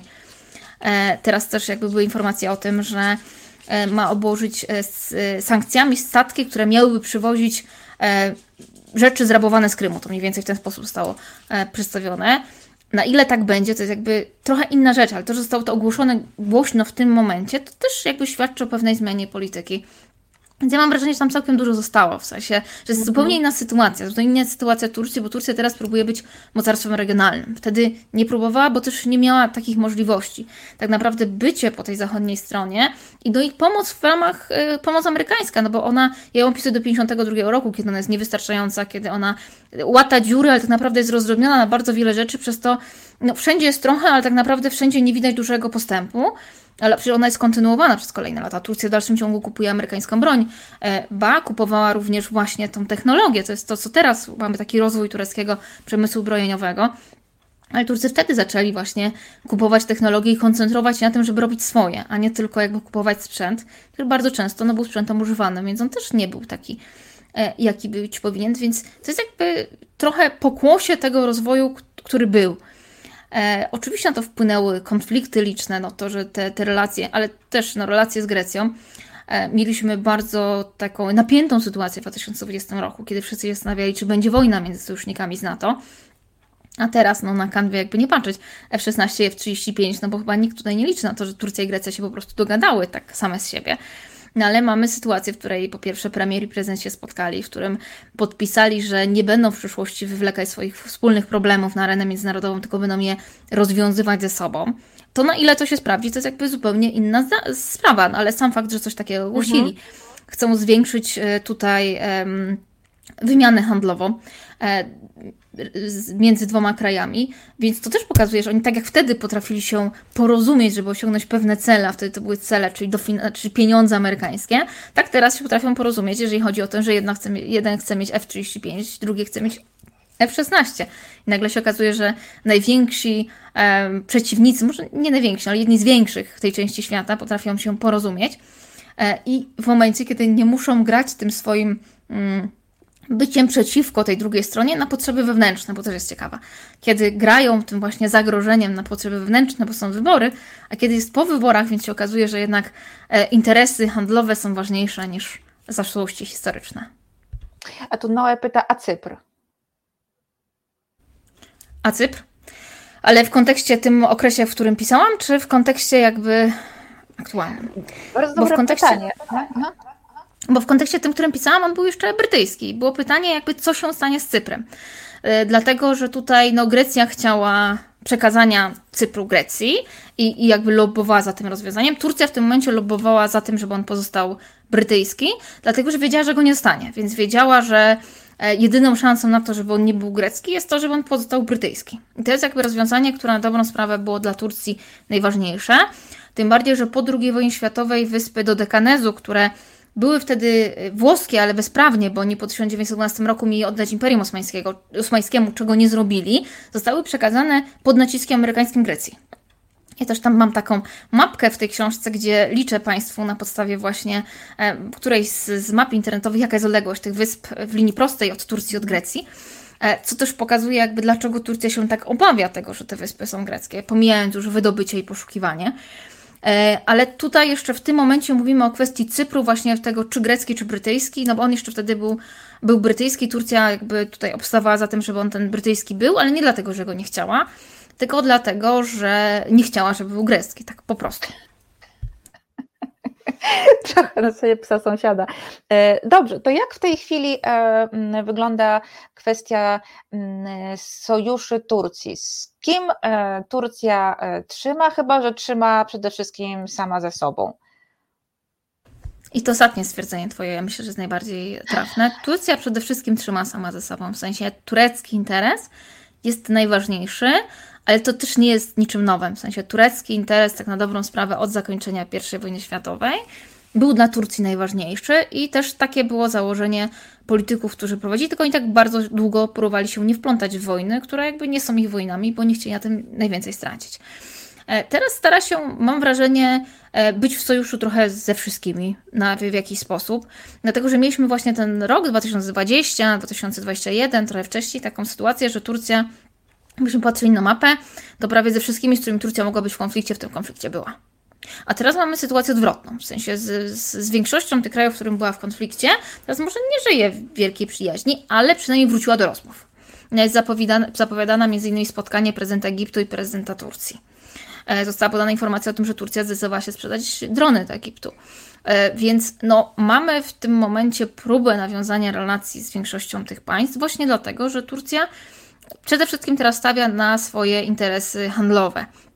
I ja nie, nie, nie zgadzam się z stwierdzeniem, że Turcji e, każde mm, niepokoje na Bliskim Wschodzie są na rękę, bo może z nich coś wyciągnąć. No, no oczywiście jakby tutaj na niepokojach też różni ludzie robią e, biznesy, ale na dobrą sprawę w tym momencie ma tak duże problemy gospodarcze, że przede wszystkim są jej potrzebne stabilne relacje e, z różnymi państwami, żeby mniej więcej udało się te problemy zniwelować. No bo jeżeli coś wyprowadza ludzi na ulicę, to zazwyczaj są to problemy gospodarcze i to, że ich po prostu nie stać na nic. E, a w Turcji może tylko y, tutaj w ramach takiego uzmysłowienia sobie, bardzo jest źle. Były podane da, dane o progu głodu, bo próg ubóstwa był wyższy dla czteroosobowej rodziny mieszkającej w Stambule, ile potrzeba pieniędzy miesięcznie na to, żeby mogła ona mieć zdrową i zbilansowaną dietę. I tutaj wyliczono, że to jest 15 tysięcy lir. Najniższa krajowa w tym momencie to jest 17 tysięcy lir netto. E, oczywiście tutaj się odzywają głosy, e, szczególnie e, bardzo często w mediach społecznościowych, że no ktoś tam kupuje dla swojej rodziny jedzenie i to wcale nie wychodzi 15 tysięcy lir, tylko mniej i tak dalej. Jasne, tylko no pytanie jakby, co to jest zdrowa, zbilansowana dieta. I, I tutaj też trzeba mieć na uwadze to, że bardzo często w tureckich rodzinach tylko jedna osoba pracuje, w sensie to w dalszym ciągu jest najczęściej mężczyzna. No więc jeżeli mamy tą najniższą krajową, to to jest najniższa krajowa na cztery osoby jedna. E, poza tym to jest próg głodu, mamy jeszcze próg ubóstwa, który jest dużo wyższy. Teraz Państwu tak dokładnie z głowy nie powiem, ale to jest chyba około 45 tysięcy, no bo tu jest kwestia też e, zapłacenia rachunków, zapłacenia czynszu, e, kupienia ubrań, jakby zapewnienia edukacji, dostępu do, do opieki zdrowotnej. Tutaj też pewnie można by było powiedzieć, że za dużo mniej się da. No ale to też nie chodzi o to tylko, żeby przeżyć. A, a w Turcji no, mówimy w tym momencie o, o tym, że najniższa emerytura jest poniżej najniższej krajowej i poniżej progu głodu. A została podniesiona o 40 parę procent. I żeby to jeszcze Państwu uzmysłowić, może w jednym zdaniu, to jeżeli ogłoszono najniższą, e, na, e, średnio, e, ogłoszono minimalną wypłatę 1, 1 stycznia na właśnie 17 tysięcy lir netto, ogłoszono w połowie grudnia jakoś, a okazało się, że dwa tygodnie później, kiedy ona weszła w życie, straciła na, na wartości 30 parę procent w stosunku do dolara. W sensie ta jej w dolarach wysokość w połowie grudnia w stosunku do tego, co było e, na początku stycznia, to było 30 parę procent mniej. Więc no, to, to pokazuje, jak duży jest problem. No, przy okazji mamy właśnie podnoszenie stóp procentowych, które no, jest potrzebne, bo ekonomiści mówią, że to jest słuszna droga na poradzenie sobie z inflacją. Ale w przeciągu tego czasu od e, czerwca do 2 lutego, kiedy, kiedy mieliśmy właśnie prezeskę Banku Centralnego, która zrezygnowała podobno, znaczy zrezygnowała na pewno, tylko pytanie jakby, czy zrezygnowała, czy została do tego jakby nakłoniona. Podniesiono stopy procentowe bodajże 8 razy, od 8,5 do 45%. Czyli na przeciągu pół roku mamy takie stopy procentowe. E, I o ile ekonomiści mówią, że tak to powinno wyglądać, no to przy założeniu życia normalnego człowieka, który na przykład ma podniesioną ratę na kredyt, a w Turcji jeszcze coś innego. Tam bardzo dużo rzeczy się kupuje na kartę kredytową. W ogóle w mhm. sklepie takim odzieżowym ma się cenę za gotówkę i za y, kartę kredytową. mnie to tyle dziwiło, że ja bardzo często myślałam, że na zasadzie jaka jest różnica, kiedy ja płacę kartą, a płacę gotówką. Ale to właśnie nie chodzi o taką kartę, gdzie po prostu od razu płacę, tylko chodzi o kartę kredytową. E, jest inna cena, ta cena karty kredytowej jest wyższa, bo to jest tak popularne, bo tam większość ludzi bierze i to robi takie normalne zakupy właśnie, idę do sklepu, kupi sobie bluzkę i kupują kartą kredytową, więc w momencie, kiedy mamy podniesione tutaj raty o tyle, no to, to jakie są warunki życia? A jeżeli coś ludzi wyprowadzi na, na ulicę, no to jest to najczęściej chleb, no bo mhm. po naszej historii też wiemy, co, co ludzi wyprowadzało na granicę. No wcale nie polityka bardzo często, tylko to, że się okazywało, że, że, że nie ma w sklepach jedzenia albo że ceny są tak wysokie. No taka jest trochę proza życia. E, no więc tego się Turcji Erdoğan najbardziej obawia, no bo to, że on wygrał wybory, no może nawet wygra lokalne, bo opozycja jest rozsypana, no ale trzeba też jakoś rządzić. Może się okazać, że to wcale nie będzie łatwe, jeżeli ludzie wyjdą na ulicę, na wszystkich przecież nie, nie poradzi sobie ze wszystkimi, tak jak z parkiem Gezi, no udało się poradzić, no ale tam jednak no, nie protestowały miliony, a tutaj już mogą zacząć. Hejku, musimy już kończyć, ja wiem, e, ale Noe pyta, czy to pani zajmowała się historycznymi kontaktami Polski z Turcją? A ja wiem, że tak. E, tak, choć to zależy, o co pan pyta, bo ja się jakby zajmuję nimi, ale właśnie w tym kontekście częściej. Ła, sława im padła. Dobra, e, w kontekście tym częściej II wojny światowej, zimnej wojny. Ja co prawda popełniłam parę e, tekstów też dotyczących między innymi Polaków w Turcji i tak dalej, ale, ale właśnie ten okres XX wieku jest moim okresem. To nie jest tak, że tylko ja, bo mamy, mamy kilku naprawdę dobrych specjalistów zajmujących się Turcją. Ja może tutaj e, zrobię reklamę też koleżanki, dr Paulina Dominik, która zajmuje się okresem wcześniejszym, czyli XIX wiekiem, między innymi Polakami w Stambule. Zrobiła świetną mapę, jakby ktoś z Państwa chciał, polskiego Stambułu, taką interaktywną, dostępną. Ona co prawda jest jakby nie jeszcze w takiej wersji finalnej, jaką chciałaby e, Paulina e, kiedyś zrobić, czyli żeby to można było w aplikacji chodzić po prostu po Stambule i oglądać. No ale właśnie, można pojechać do Stambułu i zobaczyć te polskie miejsca w cudzysłowie. Więc trochę nas tutaj jest, tylko to jest dalej krótka ławka. Ale coś czuję, że e, panią Paulinę chciałabym zaprosić. Porozmawiamy, dobrze? Dobrze. Ja myślę, że bez problemu, więc ja tutaj polecam. Koleżankę też jest w naszym instytucie, więc jakby tutaj mamy e, mocną reprezentację, jeżeli chodzi o Turcję. No to oczywiście, dobrze, to ja y, odezwę się. Musimy już kończyć, niestety, tak Cię przetrzymałam. Bardzo Ci dziękuję za to, że dzisiaj byłeś z nami. Mm, doktor Karolina Wanda-Olszowska, Uniwersytet Jagielloński Instytut Badań nad Turcją i autorka tej książki. Bardzo polecam do czytania. Dziękuję bardzo, tylko może dodam, że książkę można zamówić na stronie wydawnictwa Uniwersytetu Jagiellońskiego, bo na razie w żadnej innej księgarni już nie ma, ale tam jest dodruk, więc tam można zamówić.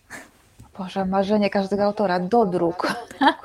tak, Gratulacje. naprawdę jak na książkę, książkę naukową mimo wszystko, to ja jestem tutaj bardzo szczęśliwa, że, że ludzie chcą czytać jeszcze książki naukowe. Dokładnie tak. Zwłaszcza, że tę książkę się naprawdę bardzo dobrze czyta. Bardzo Ci e, dziękuję, Karolina, i mam nadzieję do zobaczenia, bo przecież przed nami wybory samorządowe. Tak, mam nadzieję do zobaczenia. Na pewno się będzie dużo działo, już się dużo dzieje. Dziękuję bardzo. Robimy krótką e, przerwę, e, nie na reklamę, tylko na muzykę i za chwilkę wracam do Was i porozmawiamy już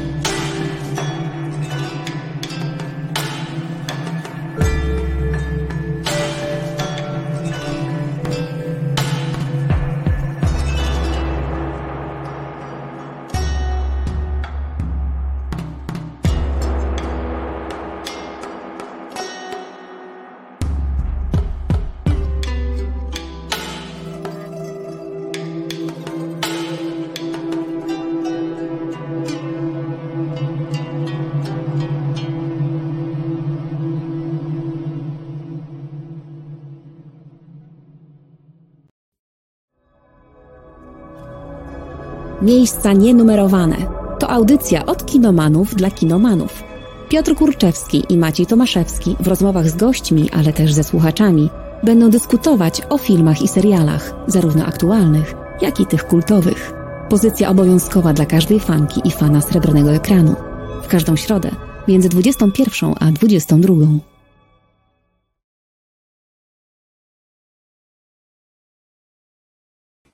Nawazja Incognita też e, o e, kinie, chociaż o kinie azjatyckim, orientalnym, tylko najpierw chciałabym tam kilka rzeczy wyjaśnić. Oczywiście zgubiłam teraz te mm, komentarze. Nie wiem, czy to e, chyba Dires 12 pisał, że w TVP brzmi inaczej.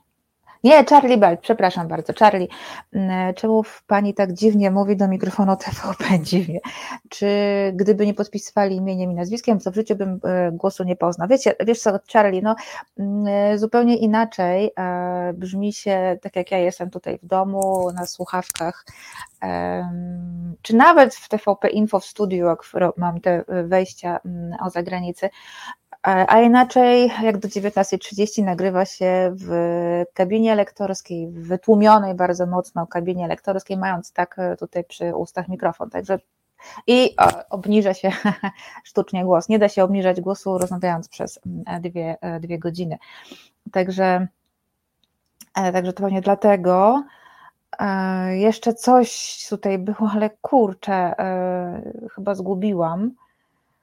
Hmm. Tutaj coś o Barbie, nie wiem, nie wiem, nie wiem. E, Ewa Cichocka pisała, bardzo ciekawa audycja, lubię, gdy w audycji są tematy związane z Turcją. Bardzo lubię prozor Hanna Pamuka, ostatnio czytałam jego książkę Stambuł, wspomnienia, dużo historii, więc to, co lubię. Właśnie Stambuł u mnie ciągle leży w mm, stosie hańby, hałdzie hańby właściwie to już jest. Mm. I bo jest cholera gruba. No niestety, a teraz mam mniej czasu jak, na czytanie i jakoś bardziej e, e, łatwiej mi idą jednak nieco cięższe książki, ale e, zwłaszcza, że mam Dune teraz do przeczytania, mm, e, bo jakiś nowy, no, nowy projekt e, u mnie będzie startował, e, więc muszę Dune jeszcze raz przeczytać. Y, więc, ale y, zajrzę, chociaż y, niedawno, roz, czy niedawno, no, w zeszłym roku, mm, rozmawiałam z Dorotą Hawką Iszyk, tłumaczką, turkolożką i tłumaczką z języka tureckiego, która będzie gościnią Azja Incognita już niedługo. Będziemy rozmawiać o książkach, o tutaj wam dalej mm, widać w rogu, będziemy rozmawiać y, o książkach y, Hakana Gündaja, przepraszam, Hakana Gündaja, y, o Turcji, o kobietach w Turcji w kontekście jego książek i właśnie rozmawiałyśmy, że obie jakoś tak średnio mamy sympatię do, do Pamuka. Ja na pewno, no jest mizoginem, nie lubię jego, jego stosunku do kobiet w książkach, aczkolwiek Nazywam się Czerwień, bardzo mi się podobała i ciągle liczę, że e, kolej, jakaś kolejna książka mi się Pawłuka spodoba. Może będzie to Stambuł wreszcie. Um, chociaż nie, coś nowszego mam. A, to nie jest Stambuł nowe. Noce zarazy, noce zarazy, ojejku, to jeszcze to, o Boże. Dobra, i coś jeszcze mam wrażenie, że um, a, E, doktor Denaturat, śmiać mi się chciało, jak pani koleżanka z redakcji TVP powiedziała do pani Bianka. No tak. E, trochę mnie przeraża, że ty o takiej godzinie oglądasz telewizję, bo to było moje, o ile pamiętam, to było moje pierwsze wejście w 6.45, więc e, wow. E, szacun, ale bardzo fajnie, miło, że, e, że ktoś z Was ogląda. Ach, i wiem, co ja chciałam jeszcze. Dires E, Dires, Dires, Dires. E, Blanka, postaram się ściągnąć trochę ludzi na Twoje rozmowy jako przerywnik od Dudy, Wąsików i Kamińskich i innych. E, dobra, tego nie przeczytam. No będzie mi oczywiście bardzo miło, bardzo, bardzo miło. Wiecie, że nie idziemy na ilość, nikogo na jakość, ale im więcej osób słyszy, na przykład takie rozmowy, um, i takie rozmowy właśnie jak z Karoliną przed chwilą, no, no to jest gigantyczna porcja e, wiedzy i, i super e, by było, żeby jak najwięcej osób tego wysłuchało. I tak, wiem, że ludzie wolą słuchać bieżącej polityki w Polsce e, i zagranica jest zawsze tą pierwszą obok pogody do zrzucenia niestety ostatnio śmieliśmy się z Jarkiem Kretem, bo jego i mnie zrzucili, bo właśnie e, polityka, e, dlatego mówię o tej pogodzie. Więc chociaż tutaj, no tutaj nas, nas nikt nie zrzuca, nie zrzuci. I, I ja bym chciała, żeby jak najwięcej osób słuchało takich rozmów, bo no, My jesteśmy naprawdę po, połączeni i, i, i, widzicie, jak, jak dzisiaj rozmawiałyśmy, rozmawiałyśmy z Karoliną o um, latach 45-52 e, w kontekście tej książki, jeszcze raz ją tutaj pokażę, um, a e, jak widać, że to to ma reperkusje i to ciągle jakoś oddziałuje na dzisiejsze e, relacje. Więc, żeby zrozumieć często te relacje, e, zrozumieć pewne, e, pewne mechanizmy, no warto się troszeczkę w to bardziej, mm, bardziej włączyć. Prognoza pogody jest zawsze taka sama, będzie lało albo wiało. No, troszkę. O, no, ja kończę dzień, dzień na świecie Polsat. E, no, mój kolega dobry tam e, pracuje, niegdyś razem pracowaliśmy, także e, tak, Damian pracuje tam przy tym, przy tym programie, także fajnie. Charlie Bell tak czy siak gratuluje i oby udało się z dziennika telewizyjnego stworzyć serwis informacyjny dla wszystkich. Staramy się, miejmy nadzieję, że, że, że, że, to, się, że to się uda i że ten podział w polskim społeczeństwie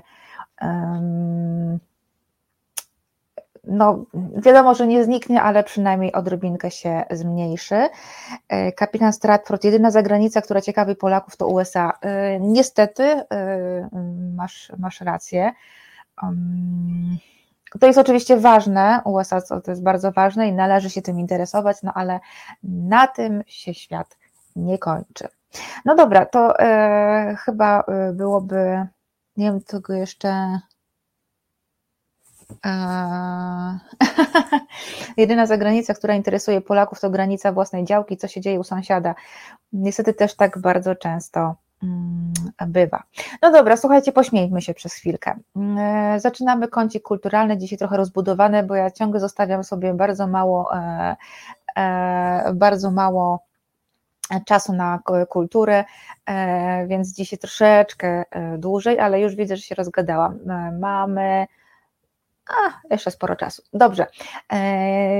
Dwa, dwie produkcje z dwóch różnych um, Ewa Cichocka, przepraszam. Miałam ograniczyć w tym roku kupowanie książek, bo mam już mało miejsca. to się nigdy nie udaje. E, ale książkę doktor Olszowskiej muszę jednak kupić i tyle z silnej woli. Mm, ja Cię rozumiem. Ja Cię rozumiem, e, e, Ewa. Mam tak samo, niestety. Już tak patrzę tutaj na ten stosik. Już z tego roku robi się stosik, mimo że w, w styczniu nie wyszło zbyt wiele książek, aczkolwiek wyszło dużo koreańskich książek, o których będę Wam mówić. Mm, teraz czytam trzecią z nich, dostałam w recenzji i Myślę, że o wszystkich trzech Wam opowiem. Każda inna, każda inaczej napisana, o czym innym mówiąca, e, mówiąca, ale bardzo, bardzo e, ciekawa, więc niestety Ewa, obawiam się, że dorzucisz jeszcze. E, natomiast luty, no luty zapowiada się luty za zapowiada się niesamowicie. Mam wypisaną całą ogromną listę książek. Zaczyna się od przyszłego tygodnia. W tym tygodniu kupiłam jeszcze w tym tygodniu kupiłam jeszcze stare. Na lot przyszłego tygodnia, uff, lecimy. No, czy czytała Pani książkę Miłosza Szymańskiego o Mołdawii? To jest ta nowa, którą on wydał bo no, Miłosza oczywiście bardzo cenię. On zresztą był kiedyś w Azja Incognita, bardzo go cenię, to jest e, świetny specjalista. Mm, e, natomiast e, Noe, napisz proszę, czy to jest właśnie ta, o której on ostatnio, którą on ostatnio, e, tak, to je, jeszcze, jeszcze nie czytałam, ale oczywiście mam, mam w planach jak najbardziej. Mm. Okej, okay, no to w takim razie pośmiejmy się. E, Iza, gdybyś mogła pokazać nam plakat e, pierwszej e, produkcji, o, którą będę, o której będę mówić. No właśnie, Amazon Prime, tegoroczny nowy serial mm, indyjski, indyjskie siły policyjne, Indian Police Force, debiut na Prime Video. No teoretycznie już nazwisko reżysera mm, niestety e, powinno nam e, sporo, e, sporo powiedzieć. Rohit Shetty jest dosyć znany z produkcji, no, takich stricte produkcji akcyjniaków w stylu kina południowo-indyjskiego, mm, takie takie totalne odrealnienie, e, odjechanie. I teoretycznie to nazwisko powinno mi już powiedzieć, że to nie będzie nic dobrego, ale wiecie, obowiązek obowiązkiem jest e, i e, oprócz tego, że piosenka musi posiadać sens, to też indolożka zajmująca się kinem musi obejrzeć.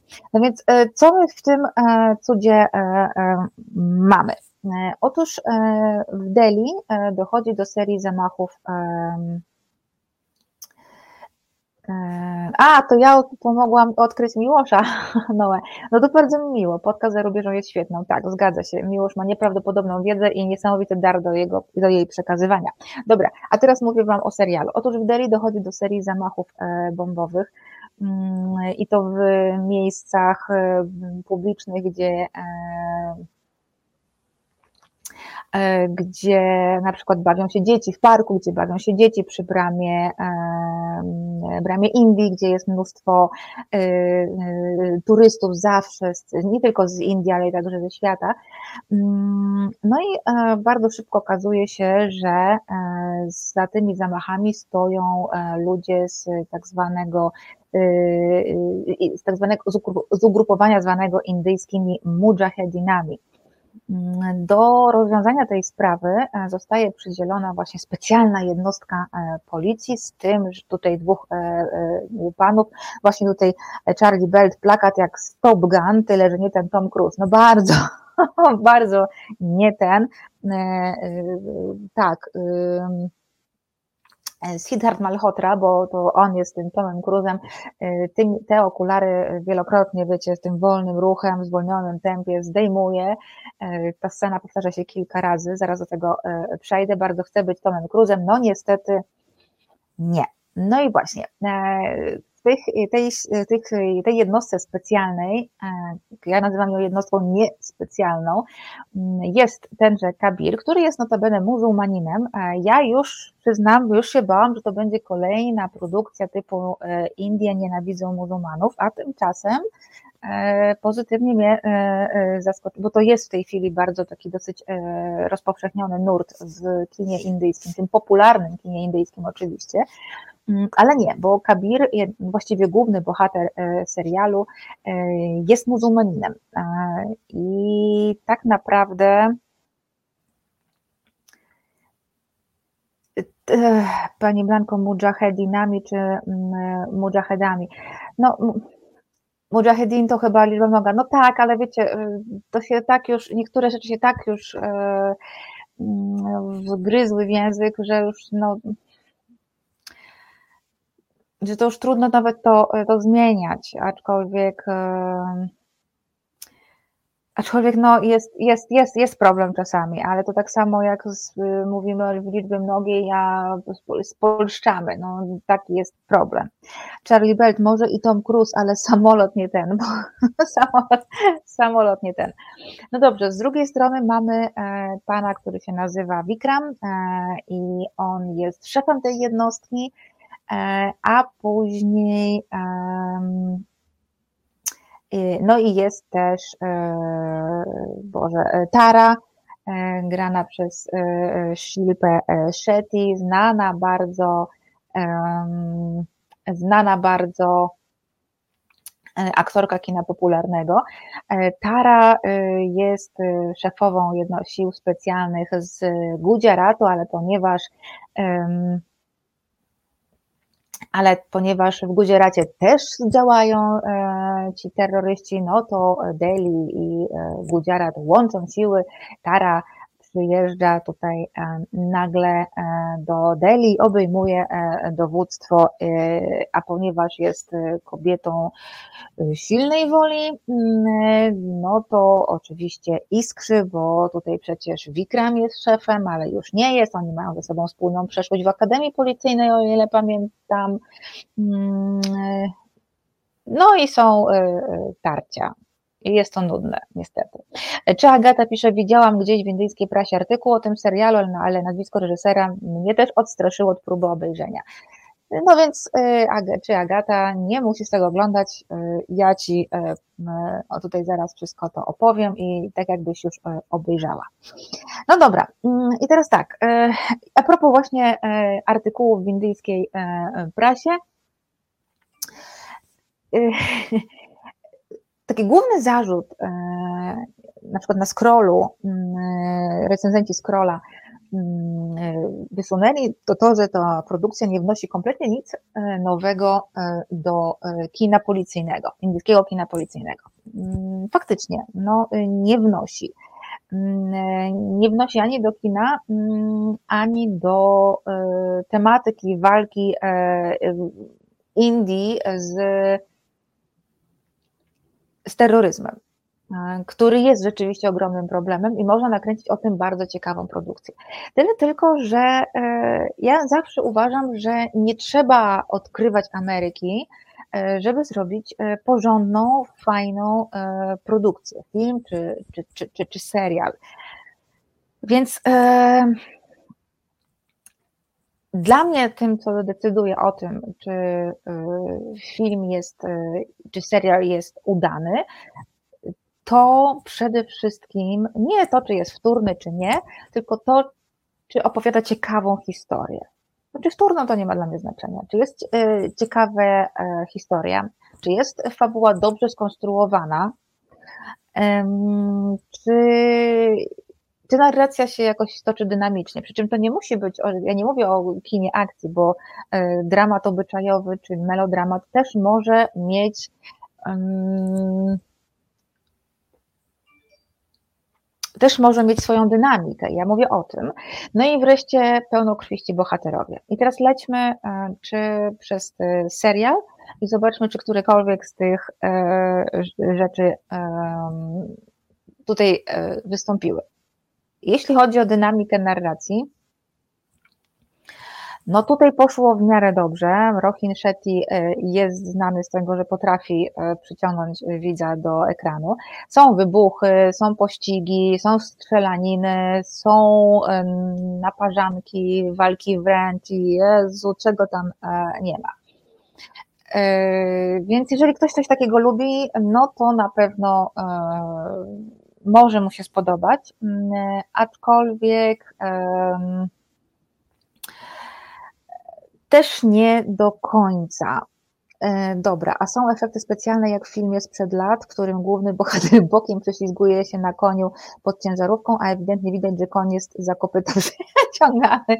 E, jest takich perełek, znaczy nie jest to aż tak, ja wiem o czym, e, o czym mówisz, to nie jest aż tak dramatycznie złe, ale no, y, to jest ten, to jest ten kierunek, tylko że bardziej e, współcześnie e, e, zrobiony.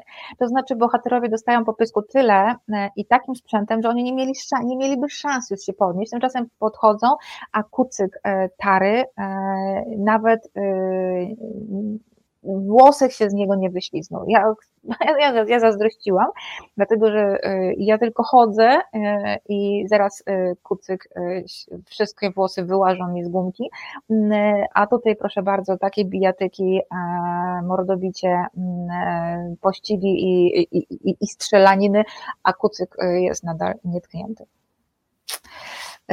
Więc tak, mm, dynamika narracji teoretycznie jest, tylko że wieszcie, w pewnym momencie, no ile można oglądać tego, że strzelają do siebie.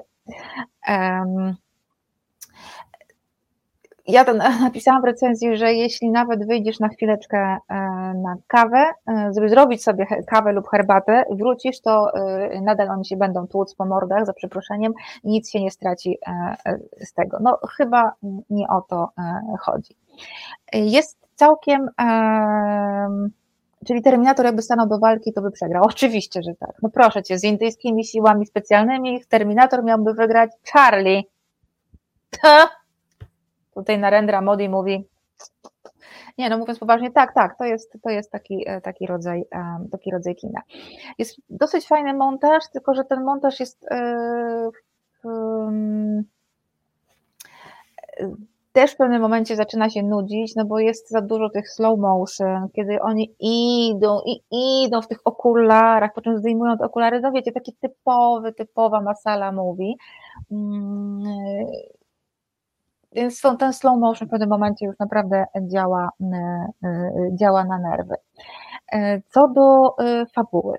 Mm, historia mogłaby być ciekawa, tak jak powiedziałam, natomiast scenariusz ma tyle dziur, tak jak też napisałam, stare deli, drogi stare, starych deli to jest nic przy tym, jak wygląda scenariusz. Tam jest, w drogach starego deli jest mnóstwo dziur, jak się jedzie rikszą, to się wie, odczuwa bardzo mocno mm, i ten scenariusz ma jeszcze więcej, e, więcej dziur. Jest mnóstwo e, takich, wiecie, absurdów.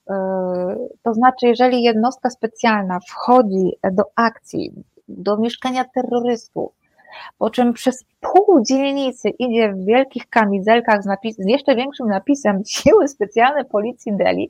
No ludzie, no, no nie. E, I takich właśnie absurdów, które po prostu no, w pewnym momencie mówią, no nie, nie, nie, nie, nie, nie. Wiecie, ja rozumiem, że kino z przymrużeniem oka, ale to już należałoby, szczerze mówiąc, zamknąć jedno oko, żeby to y, miało miało e, sens. Szkoda ogromna wątku, który został totalnie po macoszemu potraktowany, czyli radykalizacji e, młodych ludzi, młodych muzułmanów, bo tam był znaczy główny antagonista tego naszego Kabira, jeden z przywódców tych indyjskich terrorystów,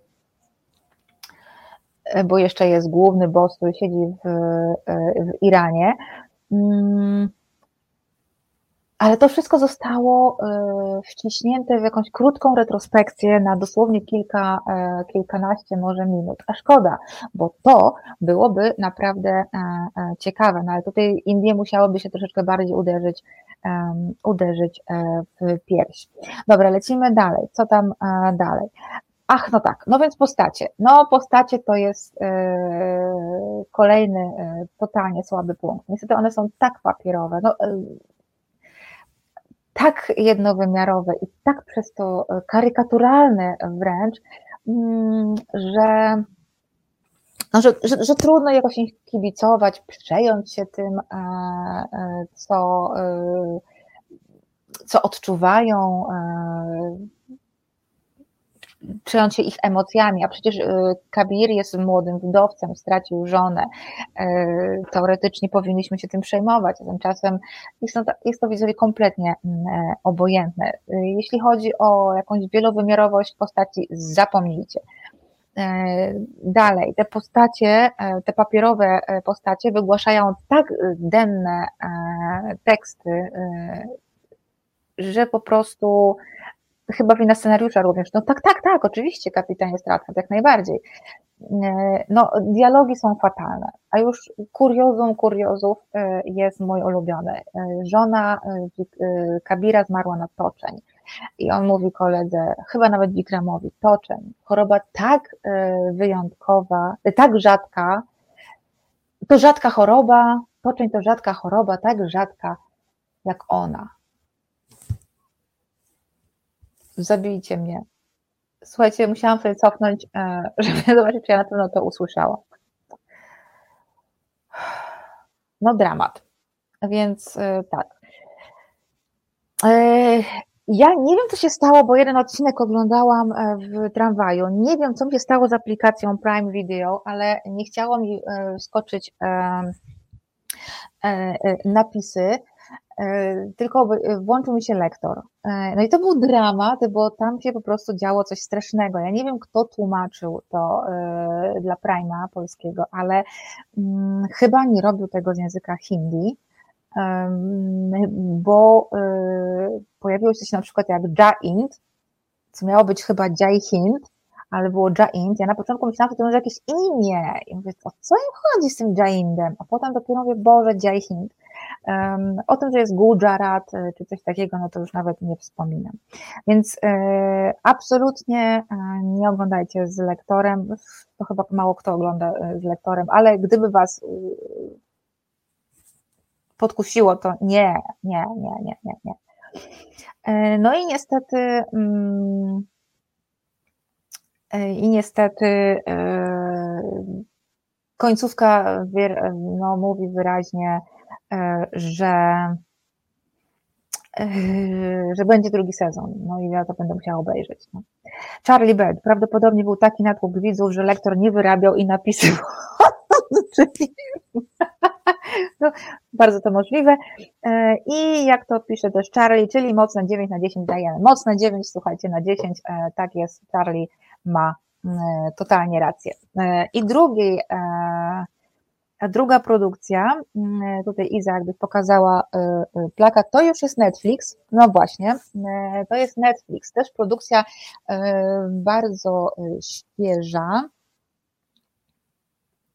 A momencik, momencik, tutaj czy Agata, o ile niektóre indyjskie filmy policyjne są udane, to nie widziałam jeszcze nigdy dobrego filmu wojennego ich produkcji. Um, Myślę szybciutko. Myślę. Czekajcie, spróbuję przypomnieć sobie. Nie, no rzeczywiście. Na Netflixie jest taki film. Hmm, jaki to jest tytuł? To nie jest stricte, no nie, to nie jest też stricte wojenny, ale rzeczywiście y, policyjnych seriali troszkę ma. No, y, Podobno w tym roku ma być trzeci sezon e, Daily Crime. Jestem dosyć ciekawa. Mm. Moment, słuchajcie, zaraz chcę zobaczyć jeszcze jeden. Jest niezły film Gundian Saxina, właśnie, e, The Cargill Girl. I to jest całkiem, całkiem fajny film, ale no nie jest to stricte um, nie jest to stricte film wojenny. A zabiłaś mi ćwieka, rzeczywiście nie mogę sobie żadnego przypomnieć. No dobra, e, słuchajcie, teraz przechodzimy do Netflixa, produkcja saudyjska. E, ja bardzo lubię kino saudyjskie e, i wiem, wiem, możecie psioczyć, że Arabia Saudyjska, ja wiem, ja wiem, ale oni naprawdę mają dobre kino. E, niedawno Wam mówiłam o jednej e, produkcji e, dosyć szalonej, dzisiaj zupełnie inny klimat.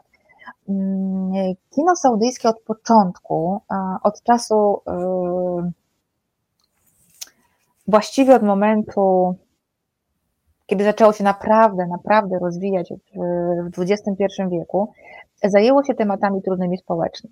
A jaki jest najbardziej, naj, jeden z najtrudniejszych właściwie e, mm, trudnych e, społecznie tematów, tematów e, tabu mm, w Arabii Saudyjskiej?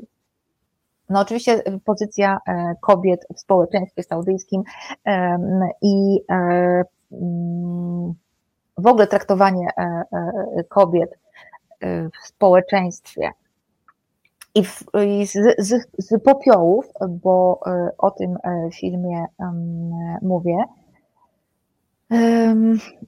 właśnie o tym, e, o tym traktuję. To jest film, który, którego akcji, który mm, ponoć jest oparty na faktach autentycznych częściowo, bo częściowo, albo raczej inspirowany. E, arabskie media pisały o tym, że e, prawdopodobnie chodzi o pożar, który wybuchł rzeczywiście w 2002 roku, wybuchł w szkole dla dziewcząt w Mekce. Przypuszczam, że tylko i wyłącznie y, ta kwestia pożaru była w ekskluzywnej szkole dla dziewcząt, y, była faktem e, autentycznym. Natomiast cała historia y, dziewcząt i nauczycielek to już jest e, wymysł, znaczy wymysł, dzieło wyobraźni scenarzysty. E, więc mamy tutaj takie dwa, jak gdyby, mm, aspekty. Jeden to właśnie te, te uczennice liceum czy gimnazjum e, w Mekce, bardzo ekskluzywnego, e, który rodzice płacą duże pieniądze za, ten, za tę szkołę. I jest oczywiście fakty autentyczne. No faktycznie, ale mi się powiedziało, rzeczywiście, Ludwinia, dziękuję, dziękuję, dziękuję bardzo. ale wstyd. Racja. Charlie Bell, tak, tak, tak, tak, posypuje. Y, to miały być, e, co ja chciałam powiedzieć? Mm, Dobra, nieważne. Ale posypuję głowę popiołem, przyznaję, tak jest, tak jest, ja zrobiłam e, paskudny błąd e, stylistyczny. Dzięki za wypomnienie. Dobra, więc przechodzimy. Na faktach, e, był oparty na faktach, więc prawdopodobnie tylko ten pożar. Cała reszta to jest, to jest już e, wymysł scenarzysty i chodzi o relacje między dziewczętami oraz relacje dziewcząt e, z niektórymi. E, z rodzicami. I mamy takie, taką sztampę, tak? Czyli e, jedna dziewczyna jest prymuską, więc jest e, niszczona przez inne koleżanki, które się mniej przykładają do nauki. Jedna dziewczyna ma ogromne problemy, bo mm, matka E, matka, zresztą, dyrektorka tej szkoły e, stawia przed nią niezwykle e, wygórowane oczekiwania. Ma wobec niej niezwykle wygórowane mm, oczekiwania, więc bardzo ciężkie mają relacje. Także mm, nic, czego kino już by nie widziało, nic, co nie zostałoby dużo lepiej, lepiej ciekawiej i zaskakujący sposób pokazany. Tak naprawdę ten wątek dyrektorki i jej córki dopiero w finale wykazuje cały, całą złożoność i dramatyzm e, sytuacji. Tylko, że wtedy jest już za późno, niestety ten finał powinien być takim uderzeniem dla widza. Ojej, to, to było to. Wow. A tymczasem kompletnie nie zrobiło to na mnie wrażenia. W tak beznadziejny sposób zostało ten wątek podany.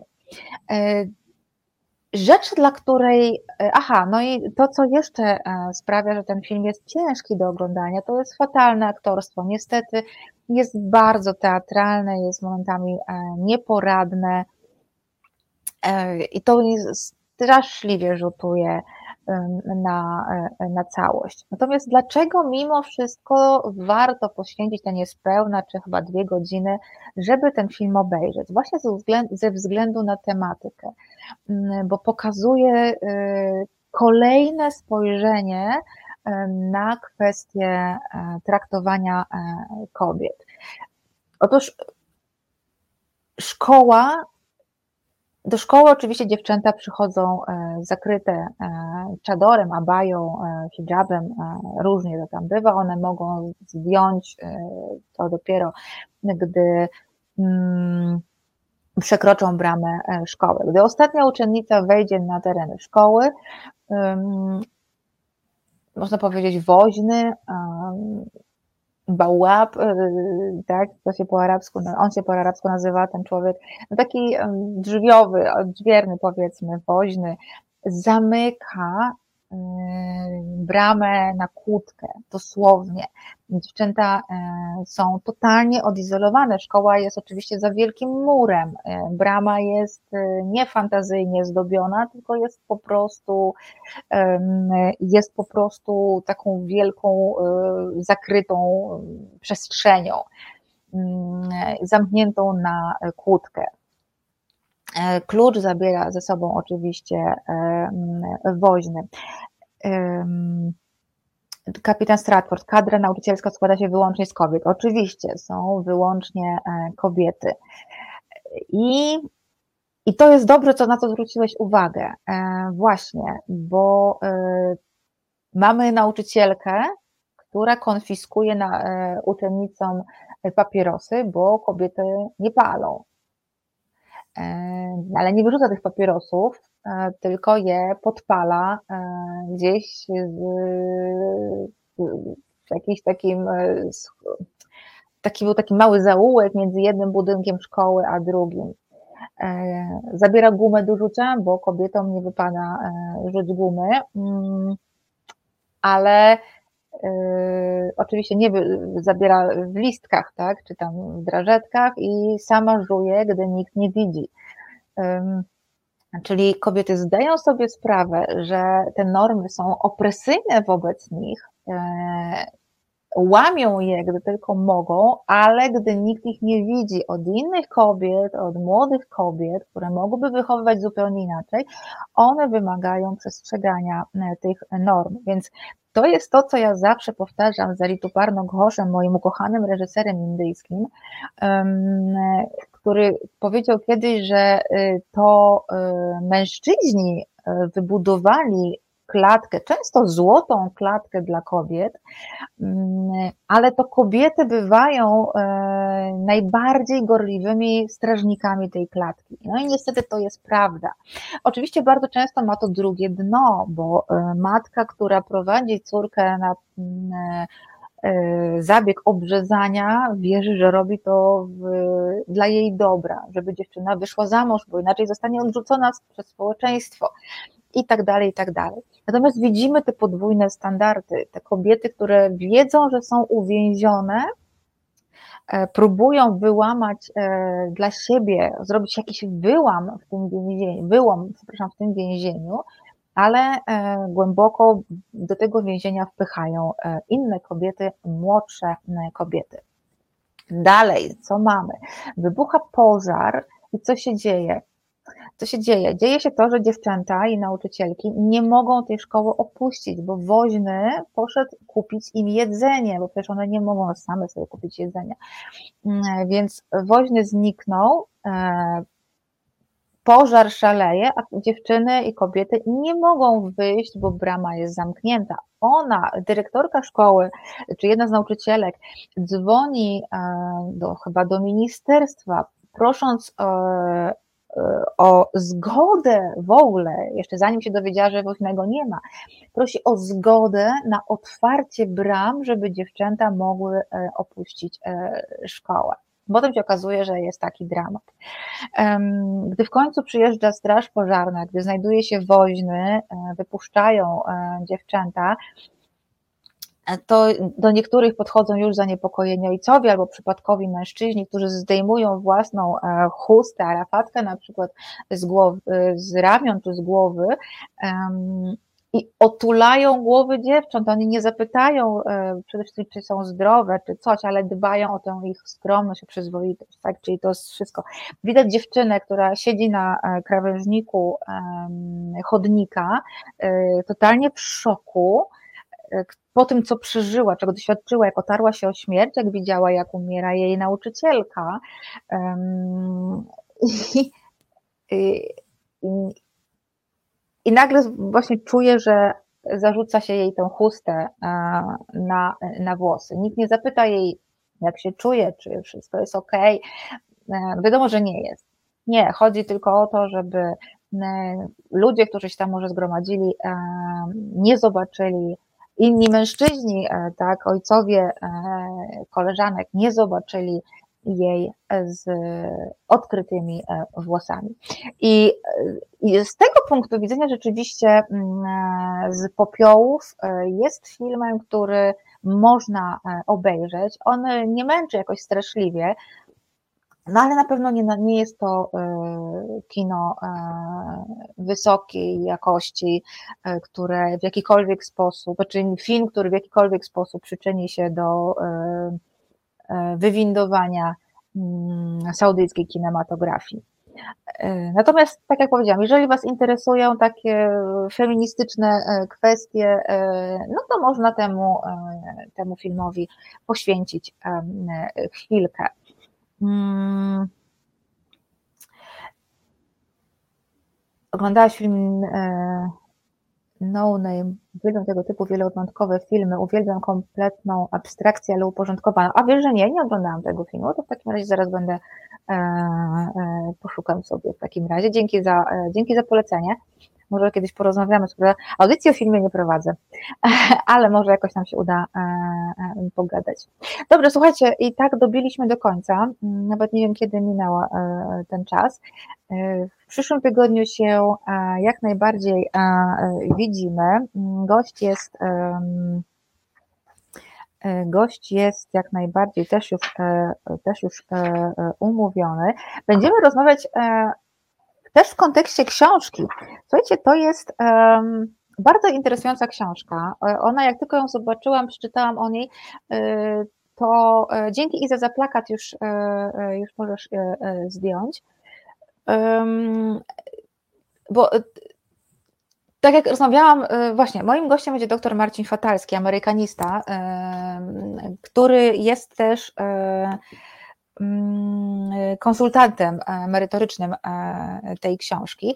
I on właśnie powiedział, że e, zastanawiał się, że już bardzo dużo powiedziano o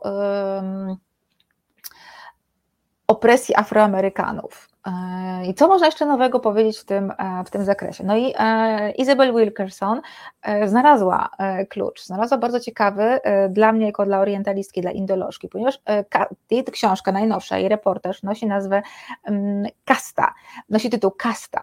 I odnosi się właśnie, słuchajcie, do kast indyjskich w, w hinduizmie, mister, tak, tak, ja się domyśliłam, e, do kast e, hinduskich, w społeczeństwie hinduskim. E, I ona udowadnia, albo próbuje udowodnić, dowodzi, że mm, społeczeństwo amerykańskie tak samo jest tak samo kastowe, E, i że Afroamerykanie e, pełnią rolę takich może nawet e, dalitów, czy też dawniej niedotykalnych, dawniej mówiło się o nich niedotykalni. I o tym właśnie porozmawiamy. Porozmawiamy o, troszkę odejdziemy od naszych, naszej Azji oczywiście, ale bo będzie więcej o Afroamerykanach niż o Indiach, o kastach indyjskich już mówiliśmy w Azja Incognita.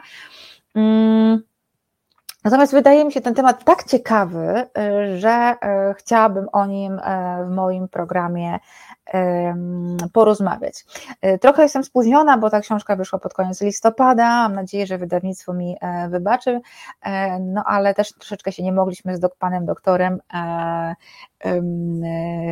złapać, że tak powiem. Także o tej rozmawiamy za tydzień, jeśli nic się oczywiście nie zmieni. Mm, szykuje się ciekawa audycja, pisze kapitan Stratford. Mam nadzieję, że taka będzie. Doktor Fatalski świetnie opowiada. Mm, słuchałam go w dwa razy w raporcie o stanie świata, e, często się pojawia u nas w TVP, e, więc wiem, że fantastycznie opowiada. E, też przesłucham podcast wydawnictwa literackiego, więc, więc na pewno będzie, będzie ciekawie, także jeśli nic się ze strony pana doktora nie wydarzy, no to w z takim tematem widzimy się za tydzień. Dziękuję Wam bardzo za, za dzisiaj. E, teraz zostawiam Was w rękach mm, Jarka Szczepańskiego, a my widzimy się, mam nadzieję, za tydzień.